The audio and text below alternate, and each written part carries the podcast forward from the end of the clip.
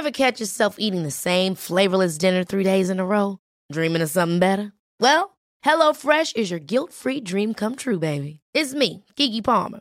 Let's wake up those taste buds with hot, juicy pecan-crusted chicken or garlic butter shrimp scampi. Mm. Hello Fresh. Stop dreaming of all the delicious possibilities and dig in at HelloFresh.com. Let's get this dinner party started. Here's a cool fact a crocodile can't stick out its tongue. Another cool fact you can get short term health insurance for a month or just under a year in some states. United Healthcare short term insurance plans are designed for people who are between jobs, coming off their parents' plan, or turning a side hustle into a full time gig. Underwritten by Golden Rule Insurance Company, they offer flexible, budget friendly coverage with access to a nationwide network of doctors and hospitals. Get more cool facts about United Healthcare short term plans at uh1.com. Hey, it's Ryan Reynolds, and I'm here with Keith, co star of my upcoming film, If, only in theaters, May 17th. Do you want to tell people the big news?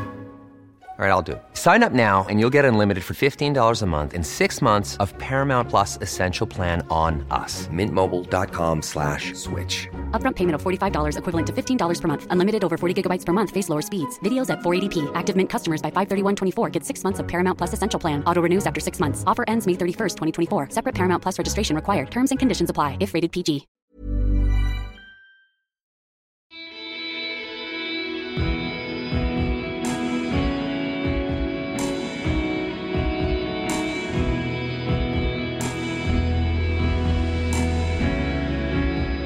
Velkommen til Kaptare podkast. Velkommen tilbake til uh, gamle lyttere. Nye lyttere, jeg heter Marius Hauge. Jeg er uh, verten uh, til denne podkasten. I dag snakker vi med Tim Bennett. Um, en løper, en syklist, en svømmer. Uh, Tim trener til triatlon akkurat nå.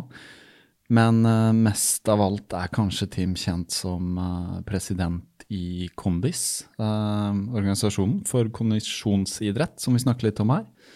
For de som ikke vet hva Kondis er, så er det bare å gå inn på kondis.no. Men de fleste, vil jeg tro, som løper, kjenner til Kondis. Jeg ble kjent med Kondis gjennom å få et blad i hånda, tror jeg, på kanskje det første, eller det følger med race-gearen du får, liksom, på det første, første maratonet jeg løp, halvmaratonet jeg løp i Oslo. Um, det har vært påske. Vi er nå helt på slutten av påska.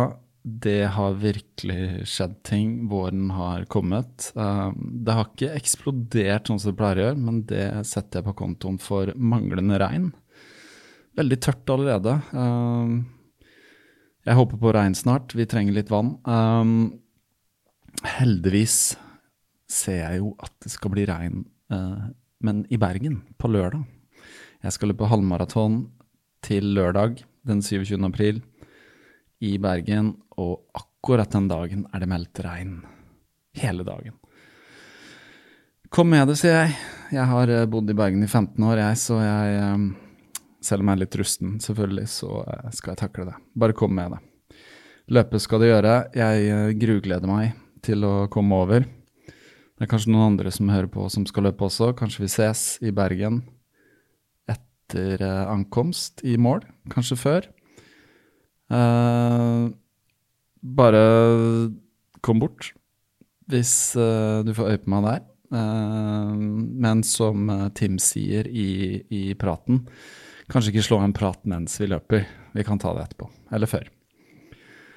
Eh, jeg hadde en veldig fin samtale med Tim. Jeg er glad jeg endelig kunne sette meg ned med han. Han er en særdeles hyggelig mann. Eh, åpen, ærlig. Eh, han er veldig rutinert på løping og deler med oss en god del ting som jeg syns var veldig gøy å høre på. Han er også løypesjef til Oslo Maraton, for de som har noe å utsette på den ruta der.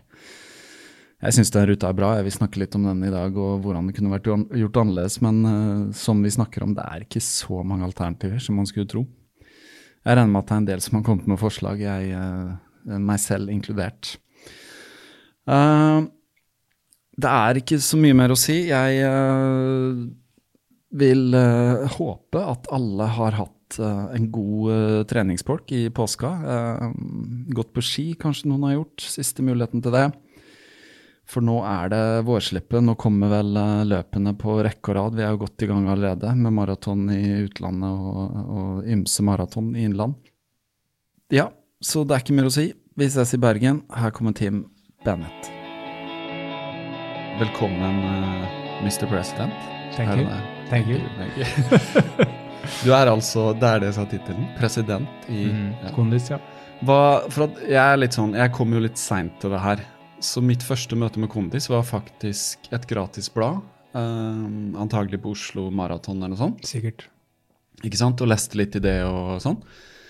Men har liksom ikke, nå skjønner jeg litt mer da, at man kan bli medlem og alt det her. Men kan ikke du fortelle litt hva er liksom din Det er kanskje mange som vet, men jeg vet jo ingenting. Hva er din jobb i Kondis, og hva er egentlig Kondis? Hvis det går an Kondis er uh, en ideell organisasjon. Eh, den startet egentlig som en sånn maratonklubb på 60-tallet. Det var der opprinnelsen var den norske maratonklubben. eh, og så ballet det litt på seg, og så ble det etter hvert eh, litt sånn nedgang i medlemstall på et eller annet sted på 90-tallet. Eh, og så endret man liksom greia til at, eh, at det skulle være kondis da, liksom for alle som drev med kondisjonsidrett.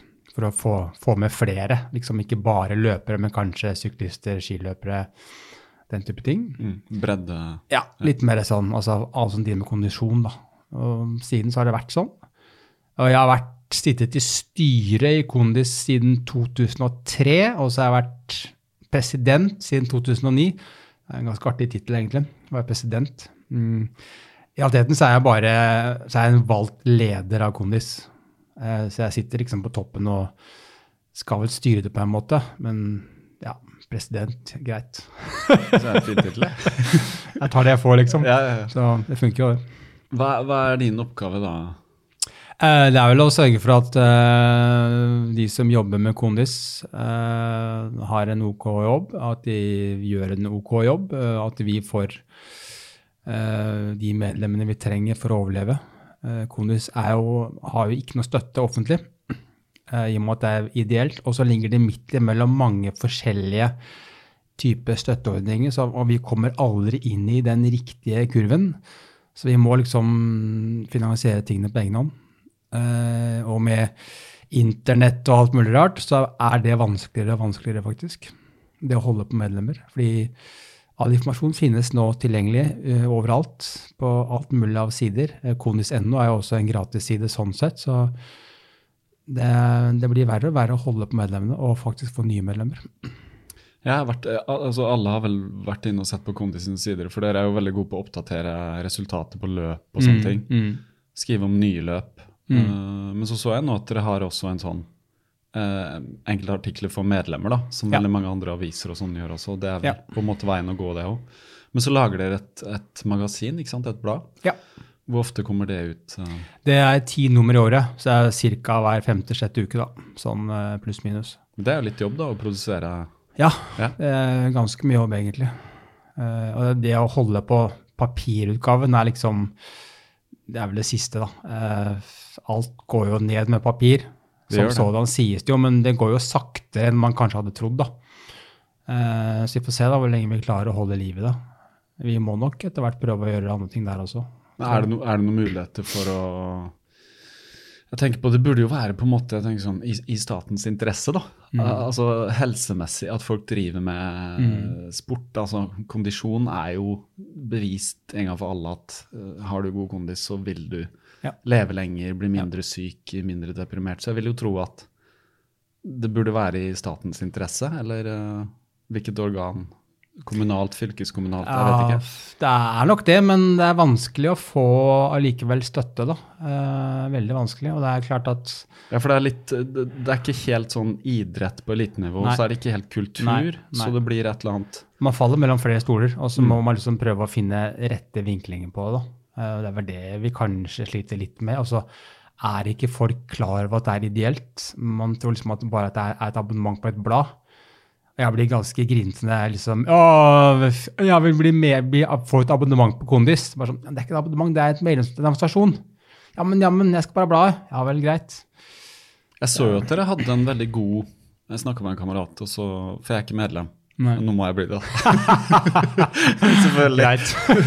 Men jeg så at dere hadde en veldig god um, faktisk, eh, hva heter det, deal, uh, i mangel av et bedre norsk ord. At uh, du får et bonus, eller et gavekort på løpelabbet Mm. hvis du melder deg dette år og ut neste år. Og det var jo nesten sånn at det gikk opp i opp. Ja. ja, så kan du kjøpe får du sko og sånne type ting. Ja, ikke sant? Så det var nesten sånn, skal du kjøpe et par sko, så kan du like så godt tegne Ja. medlemskap i Kondis. Ja. Den funker. Ja, ikke sant? Eh, den type ting må vi liksom bli enda Ja. flinkere på. da. Det er ikke tvil om det. Og jobbe med sponsor og sånn, men eh, er, er dere knytta, har dere noe tilknytning til liksom Oslo Maraton, eller Nei. Nei. det, Det, er det, er liksom separat? Det er helt separat. Det eneste teknikken det er vel på en måte jeg, da, som liksom har litt i begge, sitter i begge leire. Ja. Og så var det vel Kondis som i sin tid var med å gjenstarte Oslo Maraton. Eh, for på starten av 2000-tallet så lå jo det helt brakk. Det var vel et år eller to hvor man faktisk ikke løp på maraton heller. Fordi ja, det for få deltakere osv. Og så Det- var vi med å starte opp igjen, da. Ja, det leste jeg i Kondis. At, Mm. uh, For det var litt sånn, det var vel i forbindelse med et uh, halvmaratonløp, så var det et, Ja. et spesialnummer eller noe sånt. Og da var det sånn, så på 90-tallet så var det jo ingen som Nei. skulle løpe. Det var en sånn kjempenedgang noen år der, og liksom alle løp fikk det sentrumsløpet på Oslo Maraton. Og så etter det så har det snudd, og nå har det vel, er det relativt stabilt, da. Men du som har vært med en stund, hva dreiv folk med da? Godt spørsmål. Ja. Skulle de liksom Var det bare generelt at folk løp mindre for å ikke trendy, eller sykla de, eller hva skjedde? Jeg, jeg vet faktisk ikke, Eh, men, det var en sånn generell nedgang på verdensbasis, tror jeg, at, liksom at løping eller den type ting var litt i gåsehudene ut. da. Mm. Eh, kanskje det var midt mellom gammel og ny tid, at man måtte finne en slags plattform for å så bygge opp igjen. Ja, Det kan godt være at det var så enkelt, altså. Og så har det jo eksplodert igjen, da. det har det. Og det, det slår meg nå på en måte at når jeg har gått inn og forska litt på løping, forsker, sånn, forske, kall det forske gåseøyne, men fatta interesse for det, så syns jeg jeg ser det liksom i alle forgreninger. Og mange som har vært her, er jo musikere. Sondre Lerche har vært her, Niklas Jon og eh, Nå var det noen som tipsa om disse Unstad-brødrene, som er eh, Jeg husker ikke helt fornavnet. Kristoffer Unstad er en annen eh, fra Bodø, som er noen skikkelig gode maratonløpere. Eh, eller sånn sub 3. Og så spiller gitar og bass i Kråkesølv, et sånn eh, Bodø-band. Okay. Ja. Så, så det, er, det er liksom, det virker som Det er mer sånn Du blir ikke uglesett hvis du løper nå. Altså, Før var det kanskje sånn med siggen i munnen, jeg, Jeg så man tipper på det at det var sånn før at det Ja. liksom, da var løping litt sånn litt sært og litt sånn merkelig. Eh, kanskje. Ja, hvorfor vil noen drive med det frivillig? Ja, klart. Har du ikke sykkel eller buss eller Ja, noe sånt? ja. Jeg tror litt det, altså. Men uh, for din egen del, da, hvordan starta løpingen? Uh, eller denne Det er et godt spørsmål, faktisk. Jeg er litt usikker. Uh, Det startet nok med at jeg var overvektig eh, for da jeg var typ 10-12-13 år. som ung? Ja. Ja. Og så begynte jeg på videregående, og så måtte jeg liksom Jeg måtte ta et tak da, for å klare å fikse det, egentlig. Eh, Så jeg gikk jo ned ganske mange kilo, og så begynte jeg å løpe litt. Og så har egentlig det bare fortsatt, da. Eh, Sikkert mye fordi at jeg skjønte at løping det var i forhold til å spise og i forhold til å holde vekten nede, så var løping helt genialt. Mm. Så i starten så var det nok mest tvang. At jeg løp, jeg løp fordi at da kunne jeg spise. Skjønner. Eh, og den har jeg hatt i ganske mange år, tror jeg. egentlig. Ja. Eh, så jeg startet nok med det som utgangspunkt, at jeg skulle slanke meg. Men som, som så ung, Ja. rett og slett? Jeg, jeg veide jo 120 kilo da jeg var 12 år, liksom. Um, så jeg måtte jo på en eller annen måte gjøre noe, da. Ja. Uh, fant jeg ut etter hvert. Men du fant ut det selv, eller? Ja, vi prøvde jo både sykehus og mye rart, men å, å sperre en tolvåring inne på sykehus for å slanke seg, det er jo meningsløst. Ja, det er Eh, det funker jo ikke i det hele tatt. Nei. Så jeg, gikk jo opp, faktisk. Ja, ja det jo, høres jo bare deprimerende ut. Ja, det var det også. Det husker jeg så godt at det var liksom bare helt, helt håpløst. Ja. Så kom jeg ut, holdt jeg på å si, i gåsehudene av sykehuset, og så så jeg meg selv i speilet, og så så jeg faktisk ikke tidsmannen min. Nei. Jeg var sånn, ok, vi har kommet dit, aha, hva skal vi gjøre med det? Greit, vi slanker oss. Ikke venta han vokser ut, men Nei, liksom. vi slanker oss. Ja. Og da bare begynte jeg på egen hånd. ja. Så i løpet av seks måneder så gikk jeg ned 60 kilo. Wow. Det var liksom helt alene. Jeg, kun, jeg fant ut hva jeg skulle spise, og så gjorde jeg det, og så trente jeg, og så trente jeg litt, og så liksom hadde jeg kontroll på det. Mm. Uh, det var egentlig sånn det startet. Men Bodde du her da, eller? Bodde i Oslo, ja. Ja. Er, du fra Oslo? Ja, jeg er født og oppvokst i Oslo. Jeg bare hører etternavnet. Høres jo engelsk ut. Eh, det er irsk. Bestefaren min var irsk. Ja, okay. Altså, han utvandret fra Irland til Tahiti. Mhm. Og så var faren min sjømann. Han havna i Oslo i 1962. Og traff da moren min, som var Trøndelag. Mhm. Så det er litt mye styr. Men jeg er, er født, Ja. på, født på Bærum sykehus og har egentlig bodd i Bærum Oslo hele tiden. Ja. Så, faktisk. Så det var der ute du bodde når du var da på vei inn i Tjener, da? I Bærum? Nei, nei, da bodde jeg på Lindeberg. Ja, ok. eh, på verste, verste østkant, Ja. faktisk. Så okay. ja, men Bærum bodde jeg bare de tre-fire første årene. Men var det organisert med løpingen for din del, eller? Nei, jeg, jeg begynte vel egentlig bare. Jeg har alltid vært aktiv, men jeg har alltid spist mye. Um, så jeg liksom klart jeg ble bare større og større, selv om jeg likevel var aktiv. Eh, jeg var med på alt sånn sett, men eh, hva ved at løping var det mest ideelle for liksom å kunne gå ned i vekt, da, Mm. fant jeg ut. Men har, har du noe liksom Altså, er du, vet du hvorfor du la på da? Er det noe sånn Var det Fordi jeg spiste. Ja. Men hvor, hvorfor spiste du? Det, Nei, har du det- reflektert over det? Det er, det er mye sånn Det er mye psykologi her. ikke sant? Ja. Det er, du har litt, eh, litt dårlig barndom, og så blir du sittende mye på rommet ditt, og så hadde jeg alltid cola og peanøtter i skuffen. Mm. Eh, Det hadde jeg enhver tid, liksom, av en eller annen grunn. Og så hadde jeg mamma som ikke kunne lage mat, og så ble alt ble egentlig helt halv tolv hele tiden. Ja. Eh, og så ble det sånn der, eh, Da blir det bare at du setter deg inn og så trøster du deg selv med å gjøre den type ting. da. Det var det jeg gjorde. Det er ikke noe annet. Så jeg bare spiste. Ja, ikke slett. Ja, Men har du fått litt sånn avstand til det? ja det tok mange år, da. Ja. Jeg var vel ikke kvitt det før kanskje for en ti år siden. før. Jeg har alltid hatt en sånn kontrollbo i forhold til det å spise og vekt. Ja. Eh, Men for ti år siden så klarte jeg nok å kanskje bryte den koden litt, da.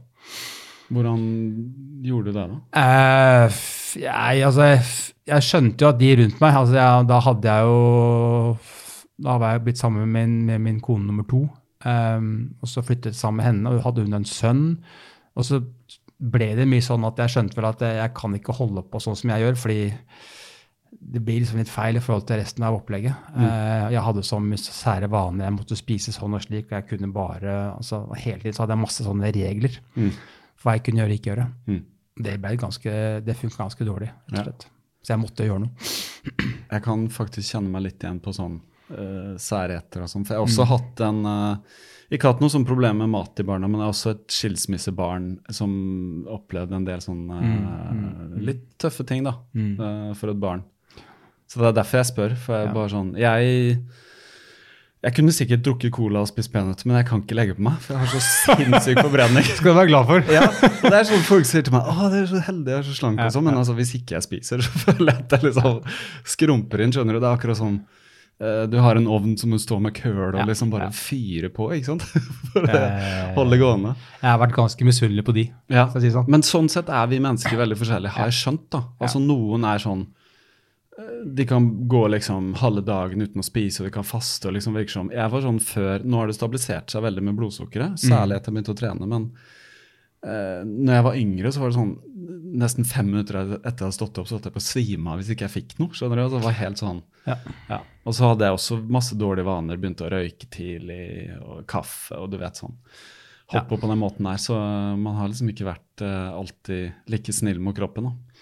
Nei, og det er vel det som man lærer av, da, tenker jeg da. Ja, det er det etter. Absolutt. Ja. Um, ja, noen ganger så må du liksom gjøre en god del ting veldig feil uh, lenge. Ja, jeg har vært ganske flink til å gjøre alle, alle de feil tingene Ja. først. Det jeg vært Men, det- men det er kanskje ikke noe rart det, tenker jeg heller. For hvis ikke man blir lært fra tidlig av hvordan det er, hvordan i all verden skal man vite det? Nei, da må, du, da må du teste, da. Ja, du må finne av det Eh, selv. Og så har- lager du deg din egen teori, og så Ja. prøver du den teorien, og så funker teorien. Den funker jo en stund.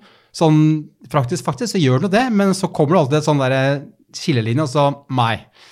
Da var den på en gått ut på dato. Da må du Justere. Ja, justere. Eller hvis da fortsetter, så blir det bare nedtur. Ikke sant? Og jeg gjorde det ganske ofte. Jeg bare fortsatte. Mm.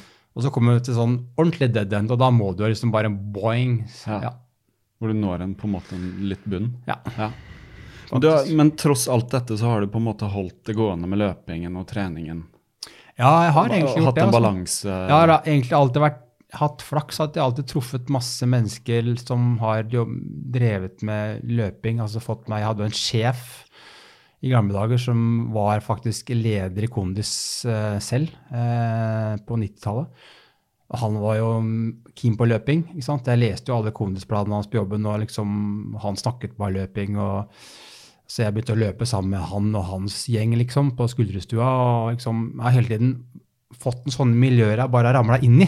Nærmest tilfeldig. Så jeg bare ramla inn i de, og så har jeg på en måte blitt en del av det. Så har det liksom vært med å bygge opp hele tiden. Og så var jeg med Konis også. Jeg ramlet nærmest inn i det på 2000. eh, liksom Gjennom Heming Læra blant annet. Liksom, og traff han og løp sammen med han, og så liksom baller det på seg. Ja. Eh, så, så har det på en måte vært en sånn gyllen tråd hele veien. da. For, hvor lenge har Kondis eksistert? Som, Vi var 50 år i 2012, så jeg var 1962. ja. Det er en stund, da. Ja, ja. Så, så, du, så tilfeldig så kom du inn i dette. Hadde du hørt om det Ja, det hadde du. Ja, gjennom sjefen min, da. Ja. Men jeg hadde bare liksom lest bladene og liksom ikke noe mer enn det. Uh, og så begynte jeg å trene med, de, med han Heming Læra, blant annet, på Ekeberg, Uh, inne på vinteren. Det er noe helt annet enn Bislett, for å si det sånn. For det var sånn 200-metersbane med dosering. Er det det der? Ja. Det har aldri vært. Nei.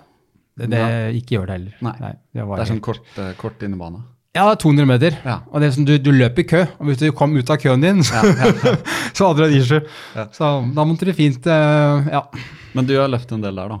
ja, i starten så gjorde vi det. Ja. Var, jeg, var jeg med litt der. Og det var fortsatt gøy, det. Jeg løper min første maraton, altså ikke min første maraton, min første ordentlige maraton var i 2001 i London. Og da trente jeg stort sett hele vinteren inne på Ekeberg. For liksom å være i stand til den da. Ja. Ja det er det ikke alltid like lett i Oslo hvis Nei. du har et vårløp. Ja. Ikke sant, Med holka som alltid er og sånn. Men, eh, men Bislett har jo Altså, Jeg husker jo de rev Jeg bodde oppe på Bislett. Jeg husker jo de rev og bygde en ny. Men var det noen bane under på Bislett før de bygde en ny? Nei, det var Nei, det det var det ikke, Eh, jeg er oppvokst faktisk på Bislett, i Svendsens gate. Så uh, når jeg var syv år, så lekte vi i gangene under Bislett stadion. Ja. Da var det bare rør og kabler og sånn type ting der. Så det var ikke noen baner der da. For det var en gammel, gammel stadion. Ja. Den hadde jo Ja. stått siden ikke sant? Det var jo skøyte... Det var en skøytebane, egentlig. Ja, det var det. var det var tenkt som. Ja. Og så var det jo lekegrinda til Vålerenga en stund. Ja. Det var jo også. Men så øh, heldig for oss, da, så bygde de en ny med innebane. Og jeg har vært en god del der, og jeg ser jo mye folk der som er sånn litt sånn kjente i løpemiljøet, og det er mange som trener der. Men det er litt, det, jeg syns det er litt tøft å løpe inn i altså, Det er litt sånn psykisk slitsomt, Det syns jeg. Veldig psykisk slitsomt. Jeg har løpt 24 timers der, og det skal jeg aldri gjøre igjen. For det var liksom helt meningsløst. Ja, det er Jeg øh, tror aldri jeg har vært så sliten i huet mitt altså, Å, som eh, etter de 24 timene. Altså. Ja, det er tøft, da. Ja. Hvor langt løp du da, husker du? Jeg løp 132 km. Ja. Det var liksom egentlig helt håpløst dårlig, for jeg har løpt 100 km ute på liksom 11 timer. Ja. Så jeg burde være i stand til å løpe lenger, men uh, sånn 4-5-tiden søndag morgen så var jeg så kjørt i huet mitt at Ja. da gikk jeg bare rundt og surra. Ja. Faktisk, og da kom jeg aldri inn i det igjen, rett og slett. Nei, jeg, jeg, jeg tror jeg kan Jeg skal ikke skrive en kontrakt på det, men jeg tror ikke, jeg, tror ikke jeg kommer til å prøve meg på tror, Det ligger ikke for meg. All ære til de som gjør det. Og det, det handler jo mye om psyken, nå. Ja. Eh, som så han eh, Taranger fra Bergen, som er liksom helt sånn du sa Han er vill i blikket, liksom. Du bare ser at han, han Ja. er liksom litt sånn skrudd sammen for å gjøre Men han noe. finner liksom sin lille sone, da. Og da, når han først kommer inn der, så kan han holde på å male, male, male. Mm. Det er det som er nøkkelen hele veien. da. Ja. Faktisk. Men jeg er for urolig til det, så jeg klarer ikke, og så blir jeg for utålmodig, og så må jeg hele tiden finne noe nytt, og så blir det bare tullball hele greia. Er det derfor du nå er eh, Jeg ser du er eh, i triatlantreningen? triatlontreningen. Ja, fordi jeg, jeg må liksom gjøre noe annet innimellom, og så nå måtte jeg det fordi jeg hadde løpt så mye og så dårlig i fjor at jeg var liksom nødt til å gjøre en endring. Bare bryte opp litt. Ja. Jeg forteller litt om det, fordi mm, jeg har jo sett på Instagrammen din, og begynte å følge deg kanskje i fjor. Og da så jeg at du løp altså kjente jeg ikke til deg, da, men så du løp veldig mye.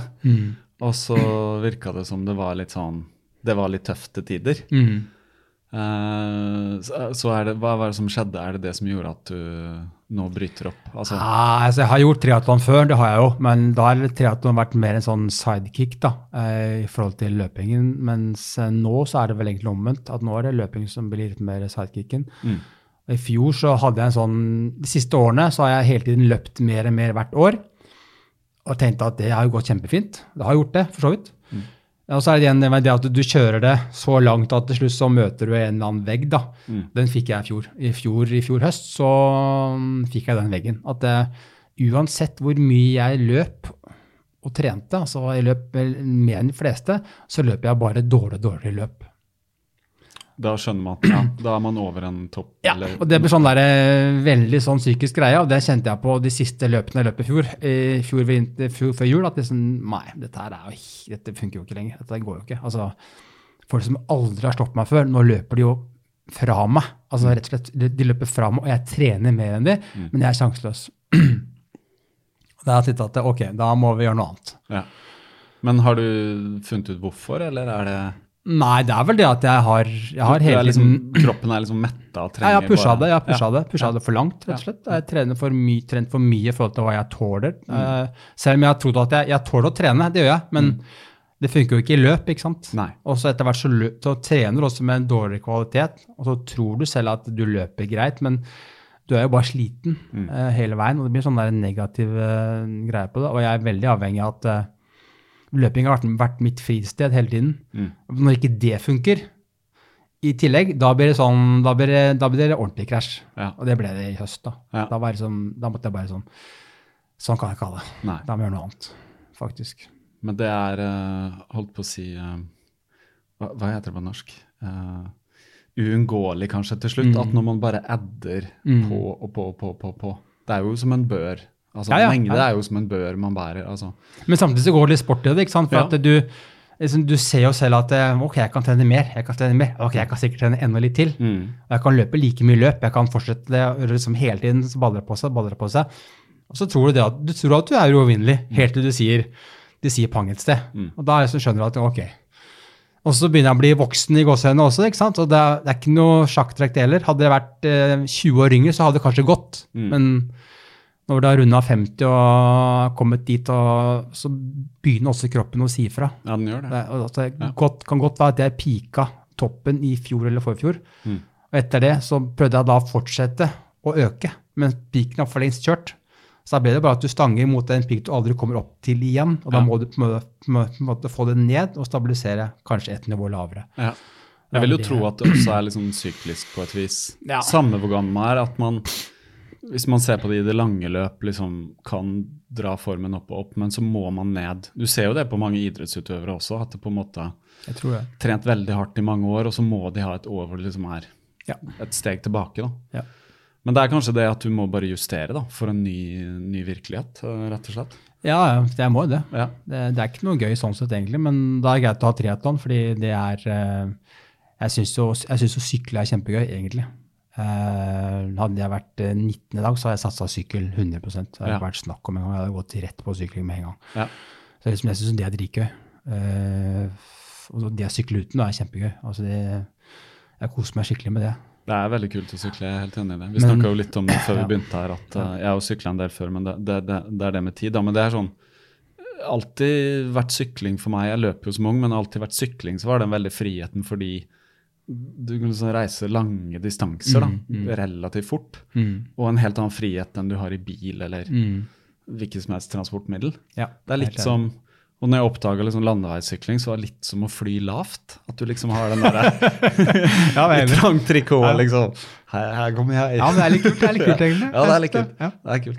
Så, så man skal ikke gi opp sykling. Så, men jeg har aldri tenkt at triatlon er noe for meg, for jeg kan jo overhodet ikke svømme. Ja, men det kan ikke jeg heller. Så det, liksom, det, det jeg sliter med, er jo svømmingen, ikke sant. Men, Ja, det er, eh, det er det jeg har skjønt veldig mange gjør som begynner med triatlon, for det er så innmari teknisk. Ja, jeg hadde jo vannskrekk. Første gang jeg gjorde Norseman i 2003, så var liksom øh, Den har jeg ikke nå lenger, men jeg har, kan jo ikke svømme. Jeg, jeg, jeg kommer fram på et vis. Men jeg er jo- ligger jo i bakerste del. Jeg er jo det. Det er ikke noen tvil om det. Så det er Norseman du trener mot nå. Ja. Det er, eh, er, det, er det et klassisk triatlon, eller hvordan er distansene der? Det er, det er klassisk med den Ironman-distansen, da. Ja, ok. Ja. Jeg, jeg husker ikke etter farta var 3,8 svømming, Mm. 18 mil sykkel, og så da maraton til slutt. da. Ja. Men den er litt sånn ekstra tøff pga. sånn høydemeter og sånn, er den ikke det? Mye høydemetere, opp og ned hele veien, og så er det da været som egentlig er, eh, sånn som jeg ser, den verste hindringen. da. For det er i, i August. Sognefjorden. Ja, ja Hardangerfjorden. Hardangerfjorden. Ja. Og så skal du, du skal sykle over Hardangervidda og masse kuler uh, helt bort til Rjukan, så skal du løpe opp til Gaustatoppen. Mm. Uh, så det er sånn, været er veldig sånn uh, avhengig, da. Ja, det har ikke noe å si at det er sommer, på en måte, august. Nei, det kan være svinekaldt, ja, ja, ja, faktisk. Det, er- det er høyt, høyt over havet, da. Ja, og ikke minst i vannet så kan det være veldig kaldt. Ja. Ja. Men uh, du har løpt den før, eller løpt, altså du har, du Jeg har gjort gjort den så før, så jeg, vet hva Ja. jeg går til. Men det er litt sånn den dagen jeg faktisk skjønte at uh, ok, nå er jeg påmeldt, da bare sånn uh. Litt sug i magen. Da angra jeg sånn med en gang. bare sånn, Oi! Vil jeg dette, faktisk? Ja. Og så var det sånn, ja, jeg må bare gjøre det. Det har jeg meldt meg på. Ja. Det er ikke noe vei tilbake. Men hvordan er følelsen nå, da, i forhold til treningen og Det er vanskelig å si. Altså, jeg vil jo løpe også, og så er det mange konkurranser som kommer nå framover som er løping, som da vil ødelegge den treningen jeg må gjøre mot eh, både Norseman og jeg skal også gjøre Ironman Haugesund først. det er sånn, det vil, altså, så løpetreningen vil nå ødelegge litt den sykkeltreningen som jeg egentlig må ha. Så jeg er litt sånn todelt nå hvordan jeg skal gjøre dette her. Så vi får se. Um, jeg For- må for jo hvor- liksom Ja, for det jeg lurer på, hvordan altså, Jeg har jo sykla selv, men jeg er ikke så inne i det teknisk. Hvordan er liksom Når du sier ødelegge treningen for sykling med å løpe, hva skyldes det egentlig? At du liksom trener annen muskulatur og sånn, Mm, eller? mm. Ja. At det bare er en helt ja, annen Særlig lårmuskulaturen din blir av sykling ganske dau. Ja. Eh, Den blir litt tung og litt sånn, litt sånn dau, rett og slett. Og da løpe da med friske bein og liksom ha et bra steg, Mm. det blir faktisk vanskeligere, for du, har den, du må jobbe litt med den dauheten i beina. da. ja. Eh, per nå så har jeg ikke kjent så mye på det egentlig, men er klart at når jeg begynner å få de lange sykkelturene ute, så vil jo det bli ganske mye mer merkbart. Og de lange sykkelturene må jeg snart begynne med. Mm. Eh, så er det, liksom, det er det som jeg sliter litt med den, akkurat den greia der. sånn. Hvor, hvor legger du rutene da? Hvis du sykler ut fra Oslo? Eller hvor, hvor lange treningsturer kommer du til å ha? Nei, det uh, får treneren min avgjøre. Ja, ikke sant? Men det er klart, jeg må ha noen, må ha noen sånne 15-milsturer. Det må jeg jo. Og da snakker vi jo sikkert fire til seks timer eller et eller annet Ja, sånt ja. nå. Det må jeg jo, men hvor jeg sykler den da? Altså, når jeg går ut og skal trene, så vet jeg aldri hvor jeg skal hen. Jeg bare går ut, og så Så blir veien hva den blir til, Mm. egentlig. Faktisk. For det er litt sånn, jeg, jeg synes det det er litt sånn utfordrende hvor jeg skulle sykle og sånn. Det har blitt en del sånn nedover uh, gamle Mossevei og sånn. Den er jo fin, da. Og så er det Sørkedalen og liksom Maridalen og sånn. Jeg bruker mye Sørkedalen og Ja. Maridalen, fordi der jeg bor liksom midt imellom. Så Ja. sånn så er det enkelt. Så, så har jeg da selve eh, Tryvann, gressbanen Tryvann, det er jo bakken. Ja.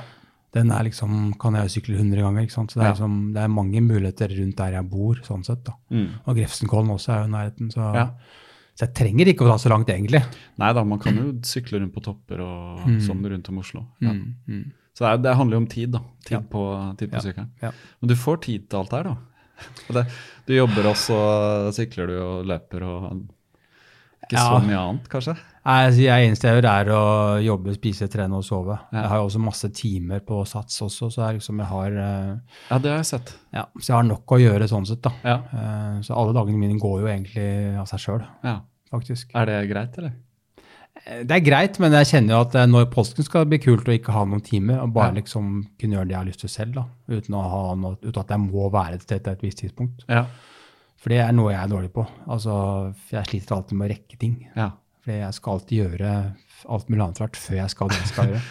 Der kjenner jeg meg igjen. Nå klarte vi begge å stille akkurat på tide. Ja, det er utrolig bra. Ja, ja, det er litt sånn Prøve å være litt tøffelig, liksom. Ikke? Å være der, liksom. Men Ja, altså, det ja. sliter jeg med hele tiden. Altså, Jeg kommer alltid, nesten alltid for seint. Jeg må liksom legge inn nok margin, så jeg vet at Og særlig de timene jeg skal ha selv, Mm. så er det greit å være i tide. Ikke komme sånn halsende fem minutter etterpå. liksom. Ja. Og det, det er på Sats, da er du sånn spinninginstruktør? Ja, jeg har spinning, og så har jeg løpeteam på Bislett, og så har jeg også triatlon. Så jeg har liksom alle Jeg har tre forskjellige greier. Jeg har sett uh, du har, Det jeg kan si, er at du er veldig god til å oppdatere på Instagram. Hva du driver med. Ja, ikke sant? Ja. Men det er nesten sånn, det er nesten et uh, Det er nesten konseptuelt, da, vil Ja. jeg si. Instagrammen din. Det er sånn, det er ikke noe avvik fra, fra hvordan du presenterer. Og de, fleste vet, som følger deg, vet jo på en måte. Men jeg syns det er fint da med de der uh, oppdateringene og det selvportrettet. Det, det blir litt sånn. eh, Det smilet, liksom. Det, ja, det, det blir litt sånn. Ja. Jeg kan jo bare gjøre det, de tingene jeg føler for selv. Liksom. Ja. Det, mange av de er egentlig bare sånn at jeg bare setter meg inn og så bare blurp, og så skriver jeg noe, og så legger jeg ut, og så Ja. gidder jeg ikke å tenke på hva jeg egentlig skrev. Jeg bare kjører ut, og så ferdig Ja, med det. Eh, Men det er morsomt, da. Når den dukker opp i feeden. denne her. Men da skjønner man at du, du, du gjør mye eh, det, det, det er mange økter. Ja. Ja, altså jeg bruker mye tid på det, Ja. men det er, det er jo fordi det er sånn det blir. da. Nå er jeg også eh, singel, og så klart at det, det er sikkert en grunn til det også. Ja. Eh, Det var helt sikkert med alt jeg har gjort og ikke gjort det også, så mm, da har jeg tid til det. Så hvis damene skal ha tak i deg, så må de rett og slett løpe etter deg. Ja, nesten, faktisk. ja, Ja. Kan virke sånn. Du må nesten, hvis eh, du skal finne en ny kone eller dame, så må det nesten være en fra, fra miljøet. Ja, Ja. vi får se. Ja. Vi får se. Vi får se. Akkurat nå så er jeg med nok med å gjøre de tingene jeg skal gjøre, og egentlig er, er ganske happy med det. Ja, jeg skjønner det. Det er alt til sin tid. Eh, men eh, det- som er litt morsomt, eh, som vi snakka om så vidt før, eh, før vi begynte her, at du løp jo Bergen maraton i fjor. Mm. Mm. Uh, og det var litt for å teste løypa. Ja, i forhold til Oslo. Jeg skulle Ja. se liksom, for at Oslo er jo blitt så hard, ifølge løpesjefen, eller ifølge de som sier at løpesjefen er dum, og det er jeg som er løpesjefen. Mm. Eh, så da tenkte jeg at ok, men da Bergen kan, jeg, kan ikke være så lett den heller, liksom. Så da testa jeg den, og bare få se forskjellene, liksom. Og den var jo kjempefin. Ja, fin, ja. Ja, ja. Den er tøff, da. Ja. Det jeg tenkte skulle fortelle, er at eh, jeg, jeg løper jo også den, og så husker jeg at eh, halvveis i første runden, når du kommer ved Store Lungegårdsvann der, Mm. Så er det noen sånn drikkestasjon, og så runder du liksom, og så er du på vei ut da, mot Florida, heter det vel der. Ja, ja. Og da kom jeg løpende, og så så jeg deg i Vålerenga-drakt. Stemmer bra, det. Ja, du hadde, du hadde Vålerenga-drakt, Ja, og det var ja. litt morsomt. Du, du hadde vel navnet ditt og Jeg greier på. hadde navnet og alderen min på ryggen, Ja, faktisk. ok. Ja. Det tenkte jeg ikke på, men jeg så ah, der er han Tim Bennett. Og så, ja, hvorfor løper han så sakte, tenkte jeg. Så jeg kom litt sånn Takk, takk. Nei, men det, det, det, er- det er skal vi si, min hubris. Da kom jeg liksom, jeg løp forbi og liksom følte jeg var i godt slag, da. Og så kom jeg til halv passering, ikke sant, og 1,47 og greier, og fortsatt eh, flaten ut på Sandviken her. Og så kommer de små liksom opp og ned, og så skal du sette i gang bakken igjen, ikke sant? Fjellveien, ja. Mm. Og der er det vel en drikkestasjon, og der kommer du, vet du. Og bare dra forbi. I, i jevnt tempo, Ja. når jeg ikke klarte å holde tempo lenger. Ja, Ja. Og da fikk det er liksom lekse påskrevet, at jeg hadde liksom dratt forbi og tenkt at ja, her er jeg godt sig og virker som han sliter, men så var det helt motsatt. da var det bare helt snudd. Mm, Og det var selvfølgelig da jeg sleit maks opp den bakken og var helt tom på slutten, og resten ble bare uff, ikke sant. Men jeg var jo totalt idiot, for jeg hadde ikke tatt til meg noe næring, egentlig. Altså litt drikke, da. Ok, ok. Ja. Men jeg var ikke, sant, jeg hadde ikke peiling. Nei, men det var det første maratonet, Det var første så, maratonet, så så blir det jo gjerne sånn, da. Ja. Da må du bare prøve det, liksom. Ja, jeg må, måtte bare prøve det. Og det var litt sånn hallo i luken. altså jeg, jeg burde lagt opp litt annerledes. Men det er greit. Det er liksom egentlig bedre å lære en sånn lekse enn å gå ut liksom enda en gang og tro at ikke sant? Jeg tenker det, da. Så neste gang jeg skal løpe, så Jeg vet ikke om jeg skal løpe Bergen eh, maraton igjen, men på en måte så har jeg nesten lyst til det òg. For å bare stå distansen, da. Ja. Men det er bare snakk om å gjøre tingene riktig. Altså, så kunne du kanskje, gitt at du hadde hatt en bedre dagsform, kunne ha fikset det bedre uansett. Altså, det vet du aldri. Men det er klart, det smarteste er nok å jevnlig få i seg noe. Det er ikke noe tvil om det. Nei, jeg, jeg, jeg, jeg bomma nok litt der, men ja. jeg, hadde, jeg hadde aldri løpt så langt, liksom. Nei, så, det er vanskelig å si, vet du. Så nå blir det halv igjen, da. Eh, For, for løypa er veldig fin. Den er veldig gøy, liksom. Den er, eh, så, så hva syns du, da, kontra Oslo?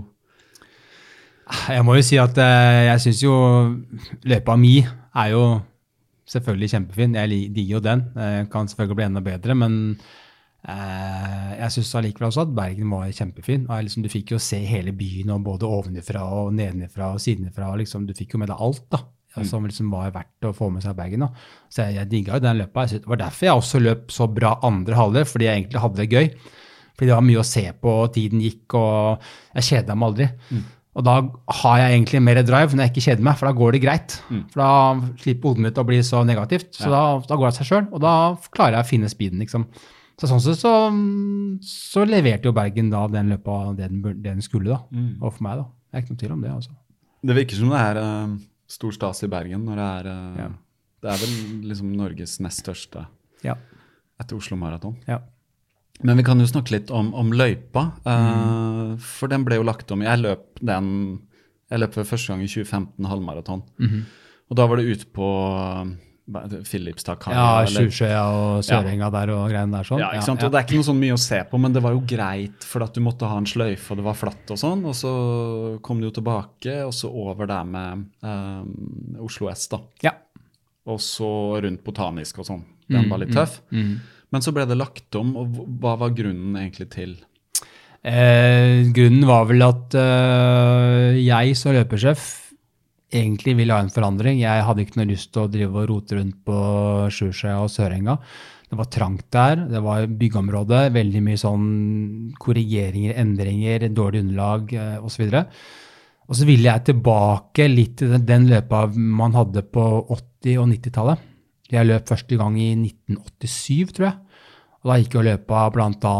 opp Markveien, Markveien, uh, som ikke var noe veldig stas, egentlig. Det var ganske hardt, egentlig. Altså Markveien her? Ja. ja. Eh, og liksom eh, over Voldsløkka og Bislett og liksom mye større deler av byen, da. Den ville jeg ha tilbake. Så jeg la fram et forslag til politiet på det, og da fikk jeg ganske kjapt svar tilbake at nei, den får du ikke.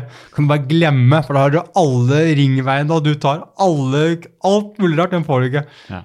Men vi kan gjøre en, et kompromiss, da. Og da kom de med et forslag eh, som bl.a. hadde Sankthanshaugen, og så kikket jeg litt på det, og så løp jeg den, og så tenkte jeg at ok, ja, men det Den kan jeg leve med. Den er tøffere, ja, men litt mer morsom, litt mer inne i byen, litt mer folk, og jeg, den kunne jeg fint leve med. Da ble det sånn, egentlig.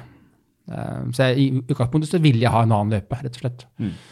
Men det er det at man kan ikke bare Man kan ikke bare um, velge og vrake. Nei, nei, nei. Altså Når det, vi Oslo, altså når vi lager maraton i Oslo. Ja, jeg har masse, det er masse ting jeg må tenke på. Um, sånn sett, Og så er det det at i den byen her sånn, så skjer det så utrolig mye bygging og graving og styr hele tiden.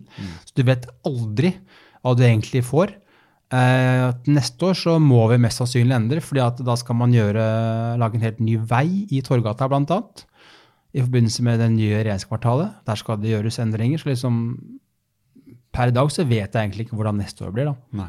Og da, altså fra 2020 Mm. neste høst, da. Men for nå til høsten går det Nå blir det eh, som i fjor, med mindre det skjer noe helt spesielt fremover, at eh, det kommer et hull et eller annet sted. Ja. Og det vet vi aldri. Nei, for det kan man jo ikke ha. at Plutselig kommer liksom en tusenvis av løpere, og så er det liksom Nei, ja. ja. det, Men det, men det kan faktisk skje, eh, fordi det er liksom Det er så uoversiktlig, det som skjer i den byen her, sånn sett. Mm. Eh, så jeg må hele tiden jevnlig faktisk løpe rundt og se. Ja.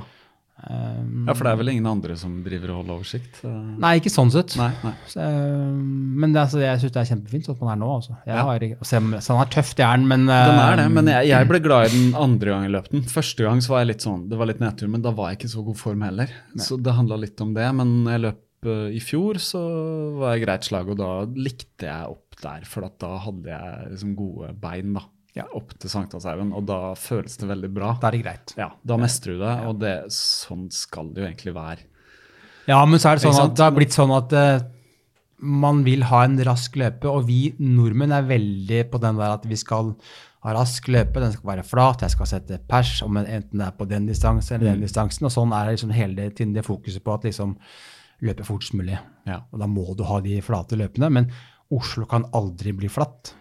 Nei, det er det jeg tenker på. Det er nesten umulig. For at jeg hadde lyst til å spørre deg, og det er jo sikkert et helt tåpelig spørsmål, men hadde det vært mulig å lagd en, en 42 km sløyfe? Altså en maratonsløyfe uten å gå to runder i Oslo? Ja, det var det jeg da ville tilbake til, da, med Ja. den løpa fra 80-tallet. For den okay, var en, det var en, en- en sløyfes eh, greie. Men det liksom det, det med trafikkbildet uh, For den den, nå er det blitt er det helt andre ja. ringveistrukturer, ikke sant? Og så er det Ja. mye mer biler ikke sant, Ja. enn det har vært før. Så sånn sett er det faktisk vanskelig Ja. å få til. For det, det hadde vært ideelt å få til én runde. Helt klart. Eh, helt enig i det, altså. Vi må snakke litt med de, eh, de Miljøpartiet De Grønne vet, som vil ha sånn bilfri Ja, jeg vet. Det, ikke sant? Jeg skal, jeg skal ringe hun jeg og spørre. For det er jo liksom, det, det er sånn drømmen, da, at man kan løpe Det, er, altså, det ideelle er å løpe én runde. Ja. Jeg syns Ja. jo det, for så vidt. da. Eh, Ikke tvil om det. Men to går greit. Men altså, jeg har løpt i Berlin, jeg har løpt i London, jeg har løpt i New York, jeg har løpt alle disse store. og liksom Én runde er klart morsomst, da. Men hvordan får de det til der? Eh, Det er jo større byer, da, så det er liksom mer plass å ta, men De har mye mer struktur, og så er det mye større altså Veinettet som sådan er mye, litt- enklere, mer forutsigbart i forhold til at du har lange, rette strekninger, lang, store, breie veier. avenyer og sånn. paradegate og sånne Mm. type ting, som er mye, det er mye enklere å få det til. Da. Og så har det selvfølgelig mye mer vei å ta da, av enn det vi har. Da. Ja. Så det er jo helt annen verden sånn sett. da. Ja, For det som er litt sprøtt med Oslo, at det er jo egentlig bare en liten bygd nede ved sjøen som har vokst utover. Mm. Ja, det. vi er en veldig Ja. rar by Ja, med de åsene og sånn, og så, sånn er det jo litt i Bergen nå. Det er liksom en liten landsby som har bare vokst seg ut. Så, og det er, den er hele tiden den der sammenhengen med at, liksom at eh, ja, men dere må løpe sånn for da blir det flatt. Og, ja, men Oslo er så liten i forhold til Mm. eh, både Berlin og London og alle disse stedene. altså Det er liksom nesten umulig å få til. Du kan løpe fram og tilbake på E18, selvfølgelig. Ja, Ja, Kjempegøy. Ja, kjempegøy. Uff, ja, det hadde vært litt trist, nesten. Ja, fordi det, det hadde vært gøy for de som, som løper fort. De hadde Ja. fått det kjempegøy, for da hadde de løpt fort. Men for da majoriteten da, som ikke løper fort, som bare skal ha en, en opplevelse, en Ja. tur, altså et maraton, så hadde ikke det vært noe gøy. Nei, det hadde ikke For det, altså, det ikke er noen folk å se på, ingenting, det hadde vært kjedelig, det. Mm. Hvis du da bruker fem timer, så sliter du. Ja, det er sant det.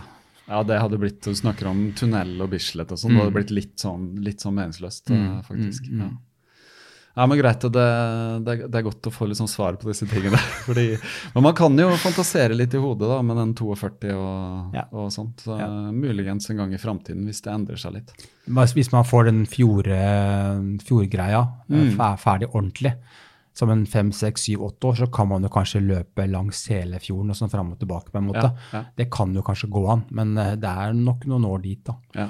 Eventuelt. Få sånn Oslo Waterfront Marathon. Altså. Det var det som kanskje var tanken med Sørenga også i sin tid. Mm. Men ja, det har vel stoppet opp litt fordi det da, det, ting tar lengre tid. Ja, og du ser jo hvordan det ser ut der nå også. Det er jo langt unna ferdig fortsatt. Ja, det det er er masse styr her borte. Ja. Og det kommer til å holde på det er ja, ja, ja, ja. Hadde vi løpt, hatt den løpa, så hadde det vært mye endringer hvert eneste år. Mm. Og det er heller ikke bra, ikke sant? Nei.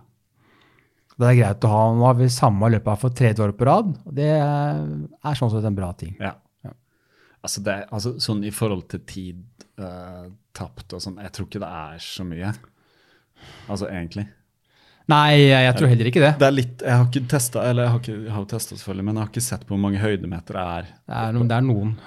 Ja, er 200 meter eller noe sånt per Er runde. et eller annet Ja, sånt. ja. Men det er klart at det, Oslo Marathon krever, krever at du disponerer bedre, fordi det er opp og ned Mm. Ja. i forhold til det flatløpet. Så du må liksom ha du må tenke mye mer igjennom hvordan du skal gjøre løpet. Mm. Sånn, du kan ikke dundre opp uh, Ullevålseien og tro at eh, du kjenner ingenting på toppen, Mm. for det gjør du jo. Selvfølgelig gjør du det. Men liksom, da må du disponere riktig, og så må du da bruke veien ned igjen riktig. Og må løpe enklest mulig ned igjen til byen, og liksom hele tiden tenke litt sånn, da. Mm.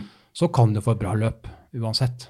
Det er ikke noe tvil om. Det tror jeg på. ja, ikke sant? Og nå når den har vært noen år, så vil jo de som har løpt den før, Ja. uh, ha bedre forutsetning. da. Ja. Sånn som for, for min del òg. Andre året jeg løp, så gikk det mye fortere. Ja, for da vet du om det, ikke sant? Ja. Jeg var veldig klar over den sankthanshaugen. Selv om den er jo tøff, da. Ja, ja, altså Selvfølgelig er det. Jeg, altså, jeg har løpt der mange ganger. Jeg, jeg, jeg synes ikke, det, er, det er ikke noe gøy å løpe opp der. Jeg syns jo ikke det heller. Nei. Eh, og klart, Jeg liker heller ikke å løpe maraton med bakker, egentlig. Men nå er jeg kanskje blitt i gåsehøyden såpass dårlig selv at eh, nå spiller ingen rolle lenger. For nå, den der 240 kan jeg bare glemme, ikke sant? Ja, ja, som jeg sikkert har drømt over mange år. Det, sånn, det skjer jo ikke lenger. Eh, helt håpløst. Skal man løpe de løpene der, så må man stikke til Berlin, da? eller Ja, Berlin, London, London og og sånn type ting. For det er, det er klart, det er, der er det laget for det. Ja. Men hvordan er det med, med Oslo Maraton og For at du ser de store maratonene har jo store stjerner og sånn. Mm.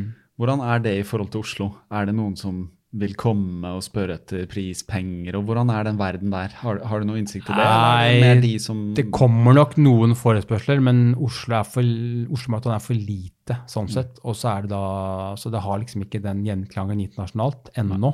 Nei. Og så kan vi også fortsatt markedsføre det mye bedre. Nå hadde vi jo han Kawauchi da, for to år siden.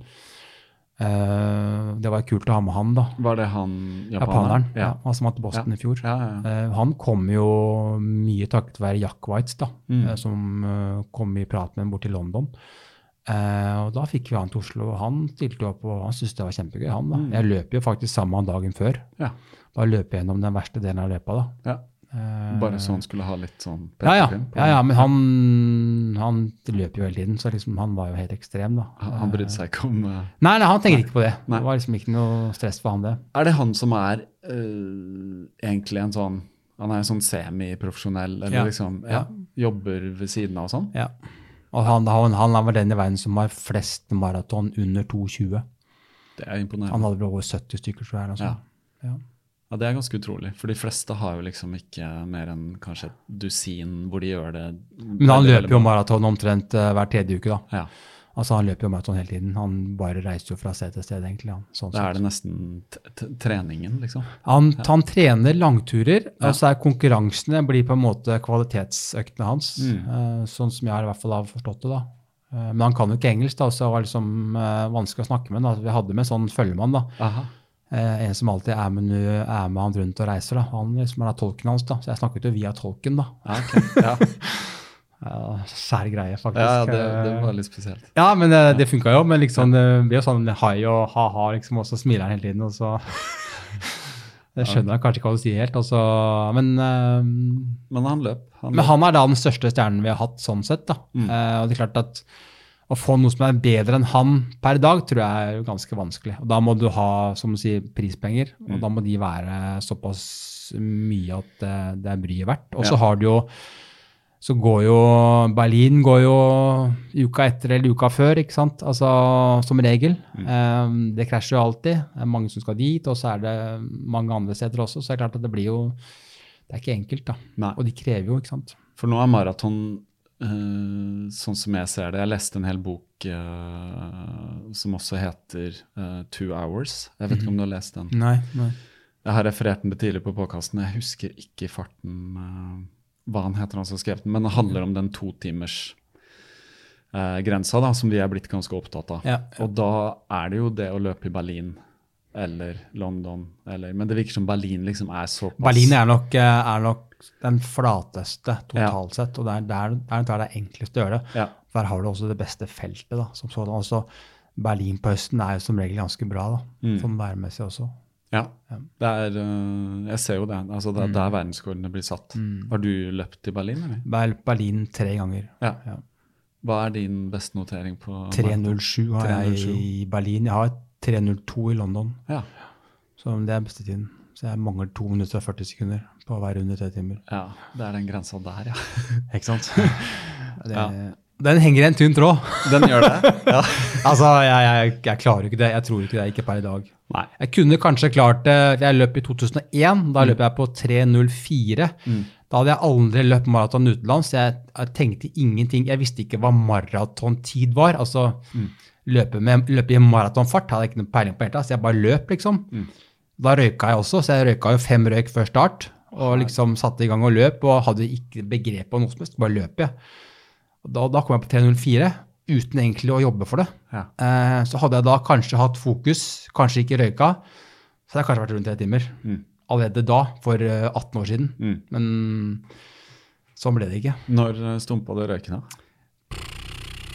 10-12 år siden, tror jeg. Ja. Ja. Så du løp i mange år og røykte? Ja, ja. Ja. Det er sånn Jeg har jo også røykt uh, i ja, 15 år, liksom. Mm. Altså sånn idiot som begynte å røyke da jeg var 14, ikke sant? Ja. Med Ja, gutta same, same. sånn. Ja, ja. Men det er jo det er der, da du er dum nok til å begynne med det. ja. Det er ikke sant. De som begynner med voksne, må jo være Nei, det skal vi ikke snakke om. Men, eh, men jeg har aldri trent mens jeg røykte. Det var liksom når jeg stumpa røyken og, Mm. og liksom en stund etter jeg fikk barn og begynte å trene litt, at eh, ja, det var liksom Det var den veien. Så nå tenker jeg liksom lungene, altså det kjæreste jeg har. Hvorfor, hva var det jeg drev med, liksom? Ja, men det er en merkelig Ja. greie, egentlig. Men det er jo en sånn, altså Røyking er jo som veldig mye annet. Det er en sånn psykologisk ting som eh, Sånn som mye ting vi mennesker gjør som er dumt for oss, Mm. som vi vet er dumt for oss, men vi lager oss noen sånne Mm. regler og historier for hvorfor vi kan gjøre det allikevel. Ja. Eller vi rettferdiggjør det alltid. Ja, Vi må alltid gjøre det. Må alltid gjøre det, ikke sant? Ja, ja. Så, så jeg, jeg forstår jo det, men det er sånn Ja, hvis du hadde slutta før, da, eller aldri røykt, eller hvem vet. Ja, men altså, du vet, du, altså, du, du vet jo aldri. Altså, du kan jo sitte og si det at ok, hadde, ikke, hadde jeg ikke røyka, så hadde jeg garantert løpt under. Kanskje, kanskje ikke. Da hadde jeg kanskje gått ut hardere, kanskje løpt Mm. mer i forhold til maratonfart, og så fått smellen den veien. Altså, altså, det er mange varianter her, så liksom, du vet jo ikke. Så det er, det, er liksom, det er gjort, ferdig med det. Ja, det er sant. det er gjort. Det er gjort. Glem Du, det. du kan jo aldri spole tilbake og ta det Nei, på nei, nytt. Nei.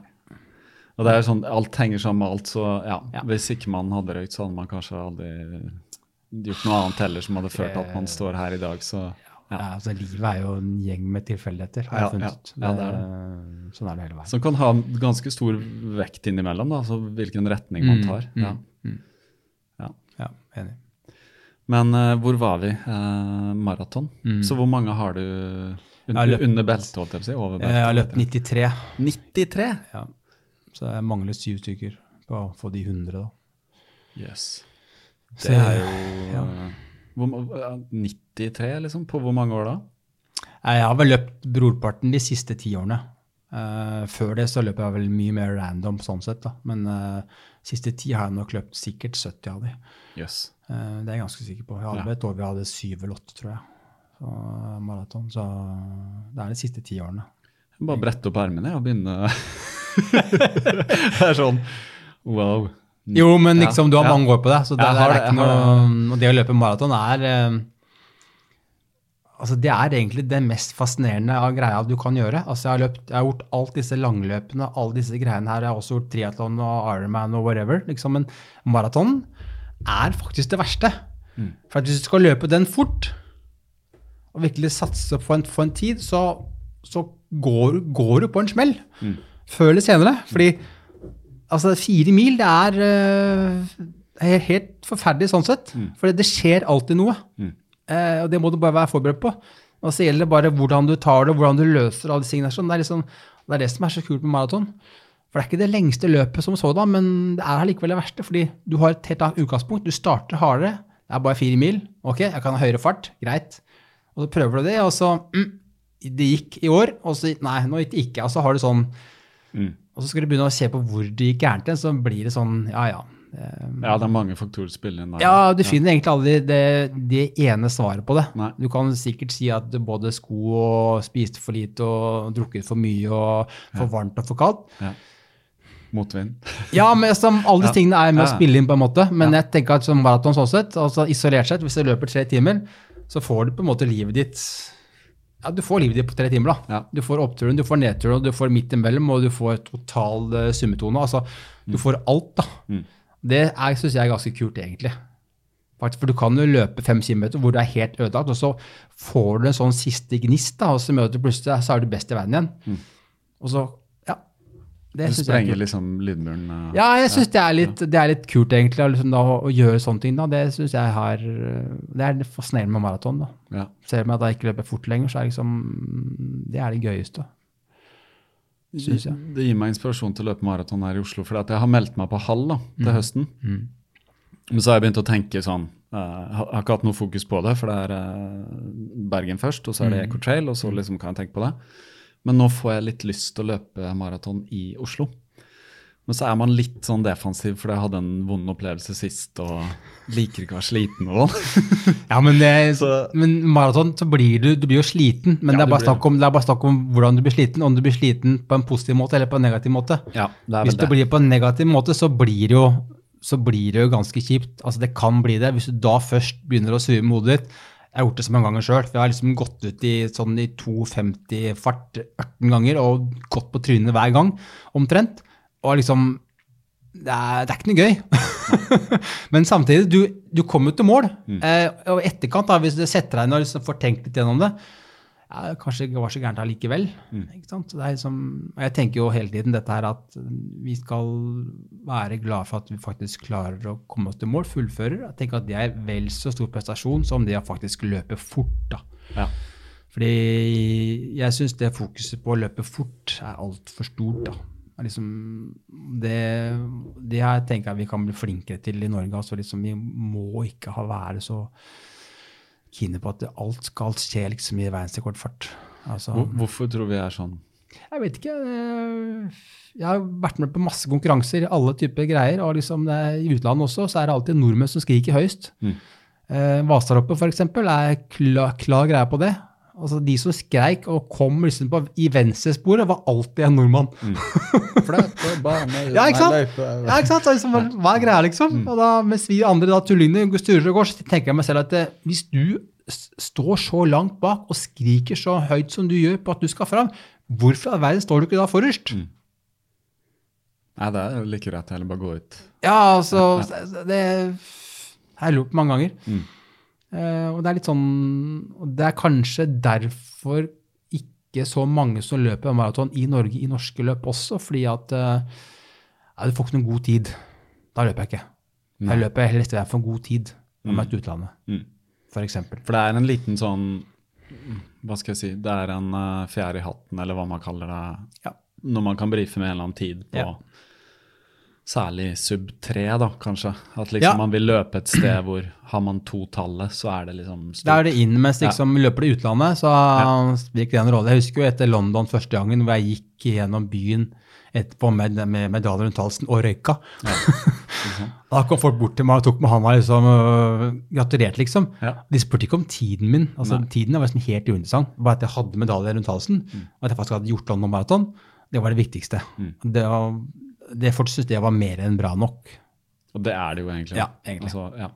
faktisk. Det er ikke sånn at vi tatoverer inn beste din maraton. Nei, og så har jeg også sett jeg var For en del år tilbake så var jeg også fartsholder for eh, fem timer i Oslo. Eh, så da løp jeg sammen med en gruppe. Og det var, var jo min treigeste løpetur desidert noensinne. ever. Jeg måtte faktisk skjerpe meg for ikke løpe. Altså, Ja, ja, ja. For det gikk så sakte. Ja, fem timer er Ja. rolig. Men eh, jeg fikk jo litt innblikk i hva som egentlig foregår, da.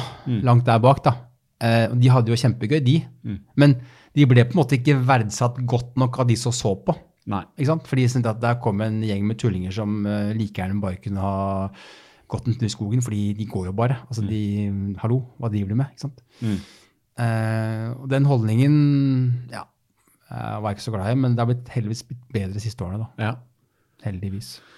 Ja, for det vi har snakka litt om det her også. Det er liksom med parkrun og sånn, og ideen må jo være å få mennesker til å stille opp og å fullføre, for det er jo en seier i seg selv. Og det sa jo Runar her òg, at liksom, de vil jo ha alle. De vil jo ha bredden, og sånn burde det være i alle løp, egentlig. For det er en av de få tinga som liksom kan samle store grupper mennesker Ja, ja, som gjør det samme. Samme hvor du kommer fra i livet, eller hvordan du ser ut, eller ja, etnisitet. Ikke sant? Og det er så kult med løping, fordi Mm. liksom løping, er, du har alle forskjellige grupperinger, du har alle typer mennesker som plutselig er enige om noe, og som de gjør sammen. Mm. Ja. Og da er man liksom verdens beste venner, fellesskap, selv om man har helt forskjellige utgangspunkter. Det, liksom, det syns jeg er ganske fascinerende også. For jeg har Mm. møtt så mange mennesker i løping som liksom driver med helt andre ting enn jeg normalt sett ville ha blanda meg borti. Mm. Men du treffer så mye forskjellige mennesker, og det er eh, sånn sett er løpingen fantastisk bra. Ja. Jeg ser det at eh, løping samler og lager miljøer som antagelig aldri vil truffe hverandre hvis Mm. Nei. ikke de hadde drevet med det. For at, som du sier, man er så forskjellig. Det stemmer bra. Jeg hadde aldri i verden truffet min kone nummer to hvis ikke er det for løpingen, liksom. Mm. Eh, hadde ikke skjedd. Nei, nei, nei, det hadde vært helt umulig. Hun, da regner jeg med hun løp også. ja, ikke sant? Ja. ja. var liksom, eh, hun var en helt annen verden enn jeg var. For, det var liksom, jeg var liksom, var løping som måtte ble ja. en slags fellesnevner. og Som hadde aldri verden skjedd uten. Og sånn er det med masse folk jeg kjenner også i dag. Hadde aldri vært bekjent med de hvis ikke hadde vært for at vi drev med løping. Og det er litt kult, da. Men så slår du meg som en ganske utadvendt person også, da. Eller du har i hvert fall en utadvendt person da, også. Ja, Altså- men det, jeg er nok i utgangspunktet så er jeg ganske innadvendt. Men så løpingen har på mange måter formet mitt liv. Har gjort meg til, til en tøffere person da, eh, utad, altså psykisk. For jeg har, liksom, jeg har, jeg har lært meg ting gjennom løpingen. Det er løpingen som måtte måte hele tiden har drevet meg videre til å tørre nye ting, enten det er fysisk eller psykisk eller whatever. Så liksom, løpingen er faktisk hele min basis for liksom å komme noen vei. Og dermed så ble det ganske kjipt i høst når liksom selv ikke løpingen fungerte. For det var liksom det eneste som liksom faktisk holdt meg gående oppe. Og fikk meg til å fungere, var løpingen. Om ikke det fungerte, så ble det sånn helt natta. Så, liksom, så løpingen er to, helt klart en spor, altså det er den røde tråd i hele, hele mitt liv. Det er ikke noe tvil om. Og det er jo antagelig altså, Siden du, du har nesten en litt sånn offentlig person, da. Altså på mye bilder og på mange arrangementer og sånn. Og det, jeg kan jo skjønne, sånn som sett ut fra meg, som også har en sånn introvert, ekstrovert mm. Hva skal jeg si Det er jo en balanse, men det er jo Man kjenner på begge deler. Man sitter her og lager podkast og snakker og sånn, men allikevel så er det jo alltid en del av en som er helt privat og helt ja. hemmelig og helt Ikke sant, som ikke egentlig har lyst til å være utad. Men er det Jeg vet ikke helt hva jeg spør om nå, men blir, det en konflikt noen ganger hvor på en måte må man ta på seg litt sånn rustningen og Nei, jeg, gå ut, eller er det liksom Egentlig Eller er det gleden? Jeg, for meg så er det egentlig jeg, jeg liker det. Altså, jeg liker det på den måten at jeg får være en del av noe som jeg brenner for. Da. Eh, og, det, og da er jeg, er jeg på mange måter meg selv. Eh, jeg kan sikkert si mye rart og gjøre mye rart, sånn sett, men allikevel. Men da er jeg meg selv. Eh, og det, I starten så var det litt sånn at jeg liksom dermed satte meg i en slags boks, og så snakket jeg uten egentlig å vite hvem jeg snakket med, ja, hva jeg snakket om. Jeg bare snakket, bare sånn, i, bare skrudde på, så bare gjorde det. Men nå er jeg liksom mye mer layback på det. Jeg har også skjønt det at eh, jeg kan bare være den jeg er. Altså, hvorfor skal jeg fake noe, liksom? Ja, hvor, hvor viktig er det liksom å ta på seg en sånn Ja. rolle? Det er Ja. jo ikke det som er Egentlig. Nei, men det, det virker som du har gøy med det. Jeg var på parkrun her uh, for noen uker siden. Og da var det å løpe Uh, ja. Og da var det stor ståhei i målområdet etterpå. og Det var liksom morsomt å observere. Jeg hadde faktisk tenkt å gå bort til deg da og spørre, okay, okay. men da var du så i farta at jeg ville liksom ikke Nei, bryte inn, så da Ja. tenkte jeg å ta det hele på, på tekstmelding, eller hva jeg gjorde. Ja. Men, eh, men da spurte jeg Runar da, om han ville komme, så det var jo greit. Jeg fikk hanka inn noen. Jeg må alltid være litt sånn på hugget. Ja, men det er kult, det, da. Ja, ja. det er noe av greia. Det er liksom at alle, I alt sånne løp så er det alltid mange som skal snakke med meg i en eller annen sammenheng. Ja, jeg skjønner det. Og det. Noen ganger så er det liksom under løp også, så kommer det en kar opp på sida liksom, og så, la, la, la, la, mens du holder på. liksom, du bare sånn, Kan ikke vi ta det etterpå? Nå jeg, jeg skal prøve å løpe fort. skjønner du, så liksom, ja. Har ikke tid til å snakke. Nei, men, egentlig ikke, men nei, nei, nei, nei, og så bare fortsetter ikke sant? Og så, Ja. ok, greit. Ja, ja. Og så blir det liksom det, Men jeg har lært meg til å leve med at det er Og så tenker jeg sånn at det, det minste jeg kan gjøre, er å by på meg selv. Mm. For hvis jeg da kan sørge for at i hvert fall han eller hun eller de da kanskje altså får litt inspirasjon av det, bra. Da har jeg gjort noe ok, sånn sett. Mm. Da er det helt greit. Eh, det, og jeg bryr meg ikke så mye om det sånn sett, egentlig. Det er bare akkurat i det momentet du blir spurt noen ganger, at det kanskje er sånn akkurat der og da, så det er sånn mm, Men Ja. Så, ja. Det er fullt forståelig, det. det er Men det blir kanskje mye sånn hei-Tim og sånn òg, da? At det liksom Og, hei, og heia-Tim, regner jeg med, hvis Ja. folk står og ser på. Eh, Det er det, er det positive med det, at Ja. uansett hvor jeg løper, så er det alltid noen som vet hvem jeg er, og det Ja. er alltid noen som heier på meg. Mm. Eh, og det er jo liksom Det er kult. Det syns jeg alltid er kult. Ja, det er, det er det faktisk. De, de løpa jeg har gjort, hvor jeg føler at publikum gir deg noe. Mm. Det er litt sånn, Da får jeg en altså, Du kjenner en sånn uh, kjemisk eh, brus, boost, Mm. rett og slett. Og noen ganger så kan man jo bare hente den ut selv også ved å gi noen en high five, og, Mm. eller bare strekke hånda i været og rope 'yeah', liksom. Så responderer jo folk veldig positivt på Det det. Altså, det det, er, det er veldig, sånn sett er det gøy. Og det burde vært Når vi snakker om tid og skal løpe på tid og sånn, så man kunne godt liksom skrelta noen sekunder for å tatt seg litt tid til å kommunisere litt med publikum. Altså, det trenger ikke være noe sånn, men bare den derre high fiven og. Men det blir nok litt sånn den klisjeen om at uh, løpere alltid ser så jævlig sure ut. ikke sant? Det Ja. kommer litt derfra. da. Ja. For at vi, mange er så, har så fokus og er så innbitte på det de skal gjøre, at de, de er nødt til å være i den ene lille bobla si, hvor de liksom ikke enser omverdenen. ja. Uh, det, sånn har jeg også tenkt at det kanskje burde være noen ganger, men så det er ikke sånn jeg er. Nei, nei. Så jeg klarer ikke å være det. Enten jeg vil eller ikke, så klarer jeg ikke. For at jeg faller ut uansett. Ja. Så mister jeg fokus, og da blir det sånn. Og det er, ok, det er sånn jeg er, da. Ja. Da jeg bare være sånn, da. Er Heller det. Ja, Det er jo gøy å ha noen bilder av seg for et løp hvor man faktisk smiler. Ja, egentlig. Faktisk. Så ser ut som man har det gøy. ja. Det er nok av bilder av meg hvor jeg ikke smiler, så det er liksom, det er jo det er jo sem, Det, sem. det må jo skje fra tid til annen. Var det tre- 93 maraton, så har man hatt det- en del opp- og nedturer.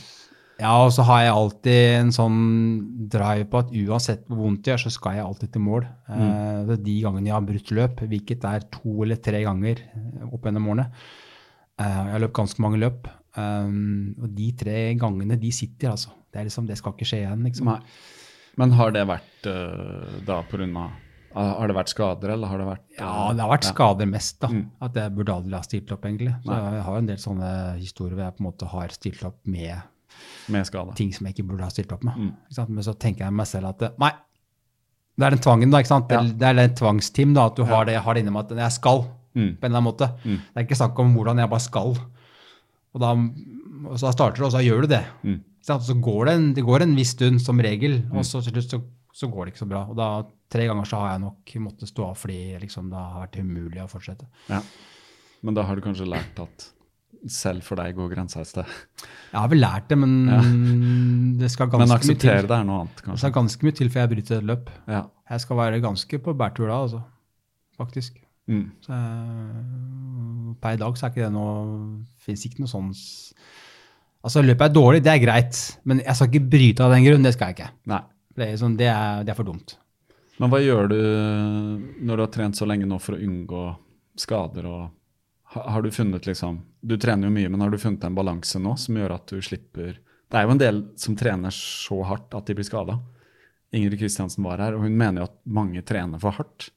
Mm. Og når jeg reflekterer litt over det, så kan jeg si meg enig, med henne i det. Uh, Ja, for det er jo mange ja. som, som kjører for hardt, og det er jakten på den derre Det er liksom sub den 3 eller derre- sub 230 eller Hvis du da leser alt som skrives da på disse forumene, Mm. eh, liksom om hvor folk kommer med spørsmål om liksom løping Hvis du er helt fersk og liksom kommer med spørsmål da, altså hvordan skal jeg trene for å løpe 10 km sånn eller slik, og så får du 780 forskjellige svar. Mm.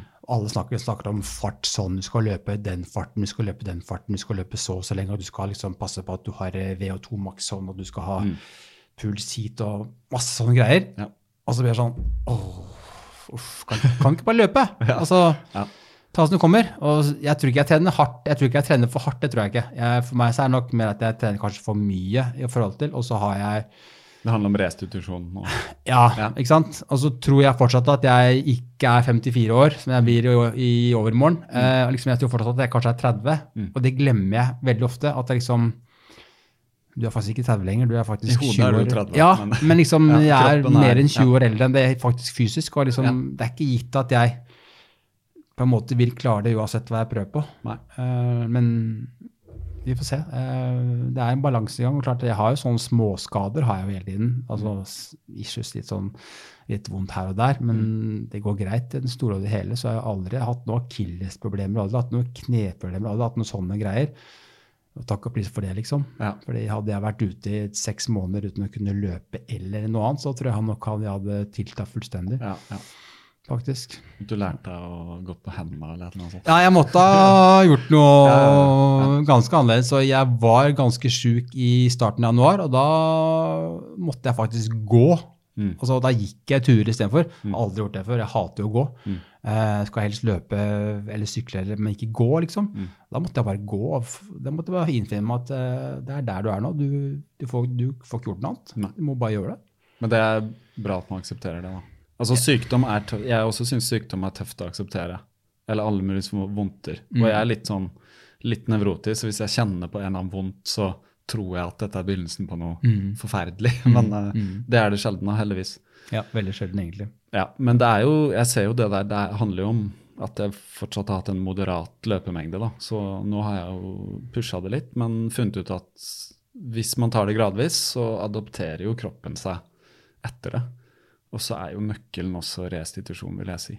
Ja, det er derfor jeg ikke gjør noe annet. Jeg, altså jeg Mm. trener, spiser, sover, jobber, det er det jeg gjør. Uh, sånn i helgene så trener jeg, og så gjør jeg ingenting. Altså, det, det kan høres jævlig kjedelig ut, men for meg, som der jeg er nå, og de med det jeg gjør, og har lyst til å gjøre det sånn som jeg gjør, så er det helt naturlig. Altså, for meg så er det, det er null stress.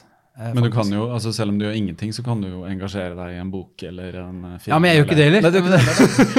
Jeg kan se på TV, det gjør jeg. Ja, ja, ja. Men liksom, eh, for jeg leser ingenting, men jeg ser på TV og sånn, og liksom ser på sport og sånne type ting. Altså det, Og da slapper jeg, ikke sant. Ja. Eh, og så bruker jeg så mye av meg selv mentalt gjennom en uke på alt jeg er med på, alt jeg skal lede, alt jeg skal styre. Jeg bruker så mye energi, så jeg er nødt til å ta meg igjen. Og det merker jeg at blir verre og verre. Jeg blir mye mer sliten nå.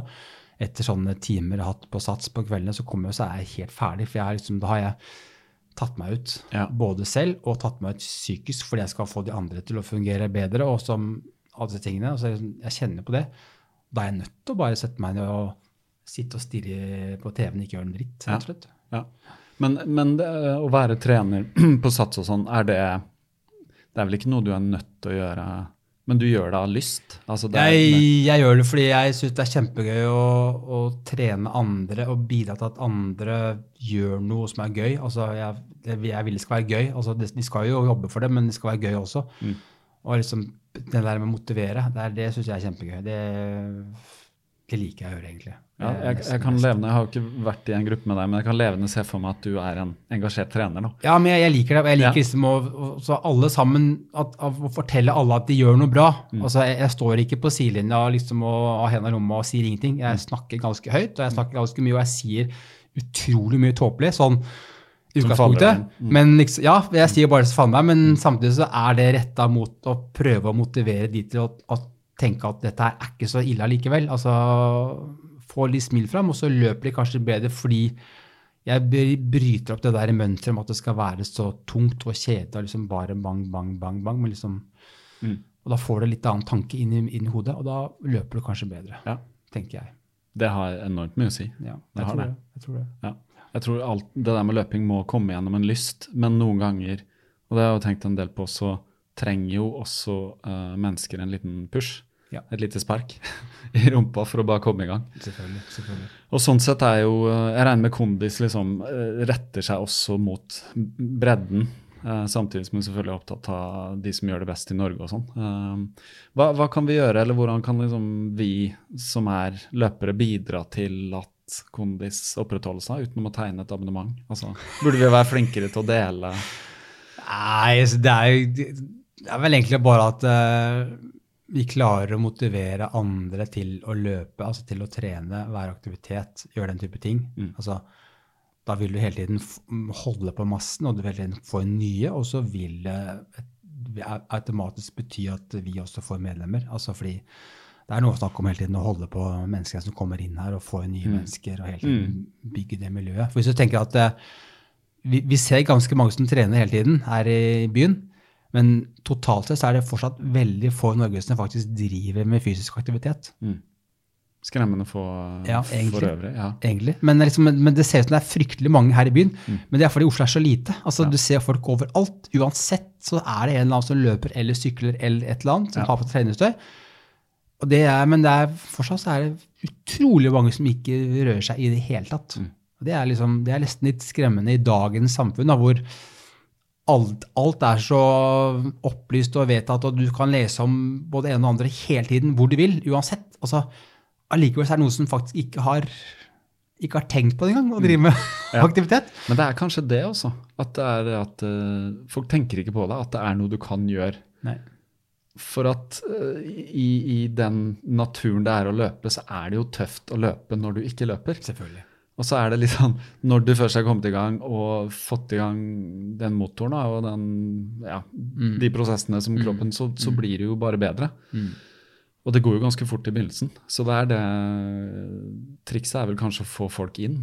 Ja, få, Altså- det, få det inn på et lavt nivå, og så Få få det til å starte, ja. starte easy. Ja. Det er kanskje det som er verst her i Norge. da, at vi liksom, Hvis du først skal begynne å løpe, så skal du med en gang løpe fort. Mm.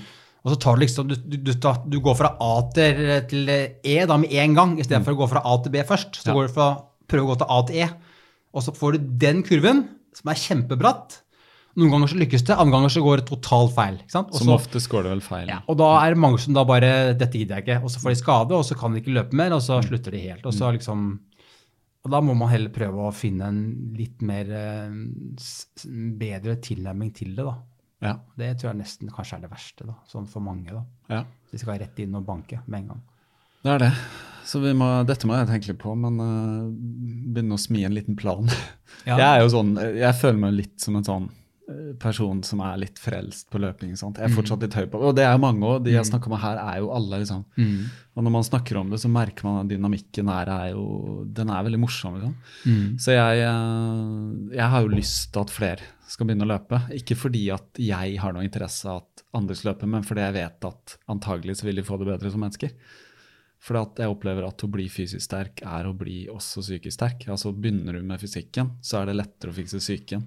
Altså, Det har en sammenheng, og jeg tenker vel at, eh, som jeg har sagt noen ganger, at eh, hadde ikke jeg begynt med løping, så kunne jeg fort vært et totalt kjempevrak, altså psykisk sett. Eh, og, og noen ganger så er jeg fortsatt så er jeg ganske dårlig psykisk, men liksom, jeg har hele tiden løpingen. Jeg har hele tiden alle de jeg kjenner igjennom løpingen. Og liksom alle disse greiene som hele tiden er med på å holde liksom det hjulet i gang. Da. ja, det så ikke man er- faller utenfor. Altså Det er jo ofte det som er det verste ja. for et Ja, ja. menneske, er jo å falle utenfor. ja.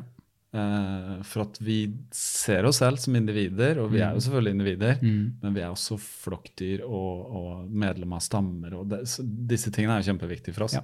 Og det begynner jo med familie og sånn, men vi trenger jo også et større nettverk. Og, Ja, du, du må det, men nå har jeg nesten gått motsatt vei. Da har jeg valgt å på en måte bli litt mer reinstøing. Da. Men det er også fordi at jeg har så mye å gjøre i uka med folk ellers. Jeg, liksom, jeg får dekka nok der, da. Mm.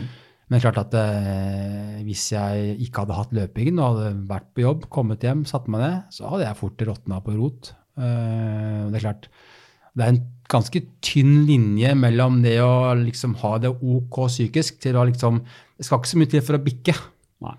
Jeg, jeg har vært der noen ganger at jeg liksom nesten vært på kanten til å bikke over på å bli, gjøre totalt idiotiske ting, bare fordi at eh, hodet ditt ikke helt eh, spiller på lag.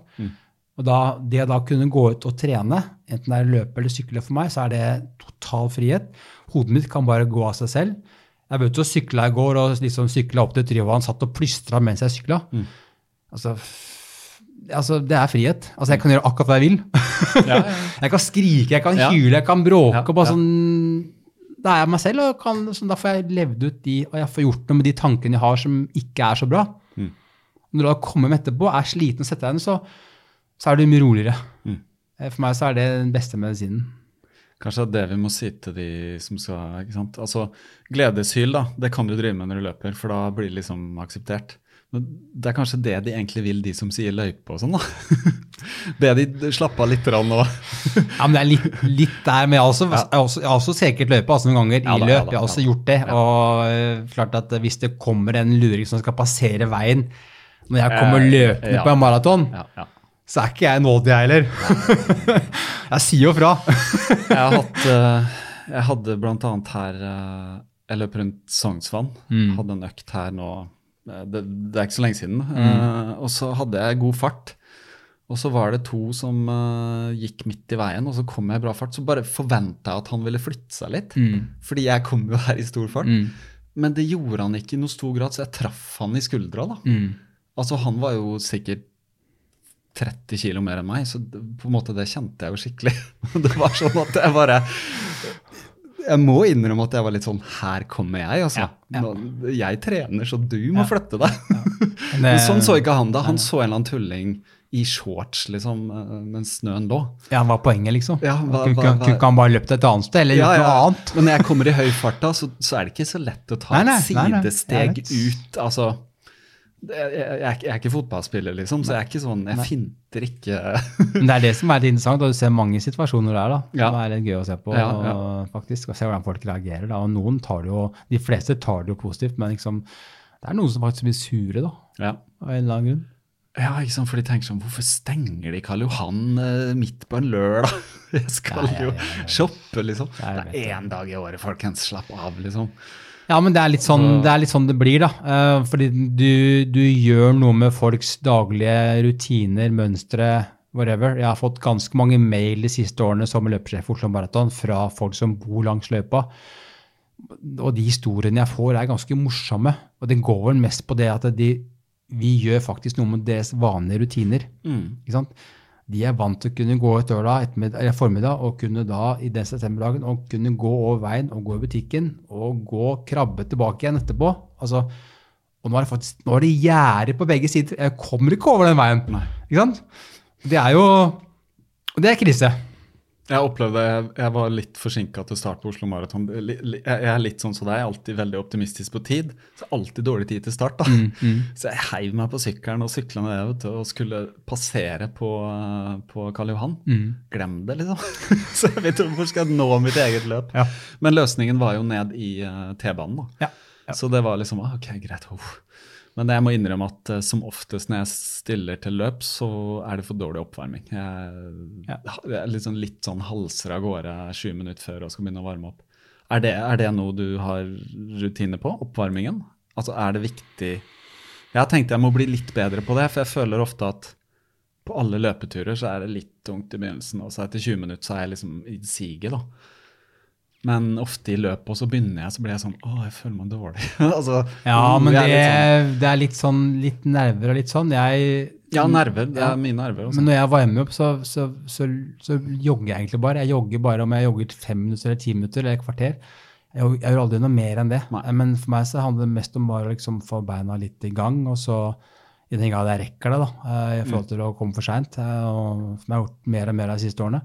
Men det er egentlig bare liksom å få komme litt i gang, da. Ja. Og så når jeg står på startstreken likevel, så er jeg, har jeg likevel gåsehud. Du er dritnervøs Ja, ja. uansett om jeg har alle som mye varme om sånn eller slik. Jeg kjenner på at eh, akkurat idet det startskuddet går, så har jeg sånn derre merkelig ut av meg sjøl-følelse i hele kroppen. At det er bare sånn uh.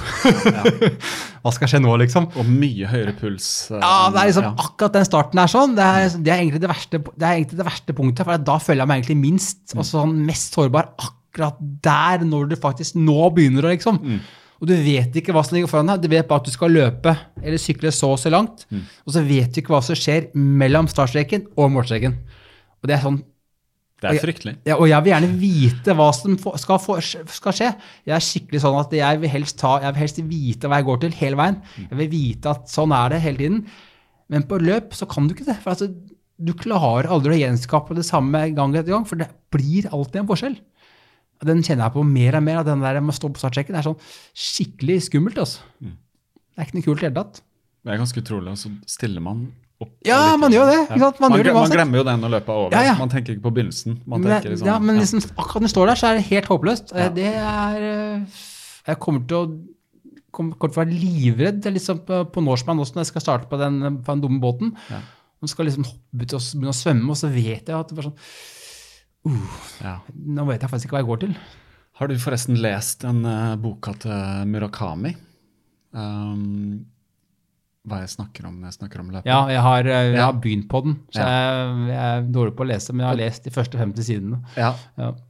fordi den handla han Mm. Jeg vet ikke når det kommer inn i boka, men han skriver jo også om det der eh, For han har løpt triatlon. Mm. Nei, jeg bare tenkte det, det er sikkert nyttig, for han også har den derre Svømminga da, er vanskelig for han. Og Mm. han var så dårlig på svømminga også, han hadde litt sånn Du vet, armer og bein til andre, og at han var litt sånn derre Kommer jeg til å drukne, liksom? Ja, ja. Det er, det jo- det er, jo, det er jo, jeg husker en gang jeg gjorde en av mine første, og da gjorde jeg en sånn såkalt olympisk distanse i Sverige.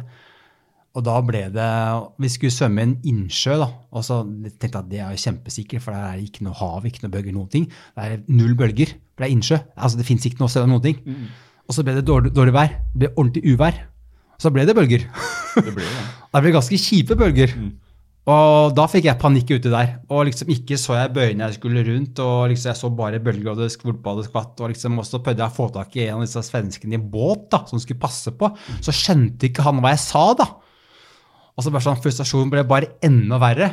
Så jeg kava rundt der i en hel evighet. Og så kom jeg til slutt i mål der på land. da. Og da bare hører jeg spikeren liksom over anlegget, og så Han måtte ha simmet en runde før mykket, ikke sant?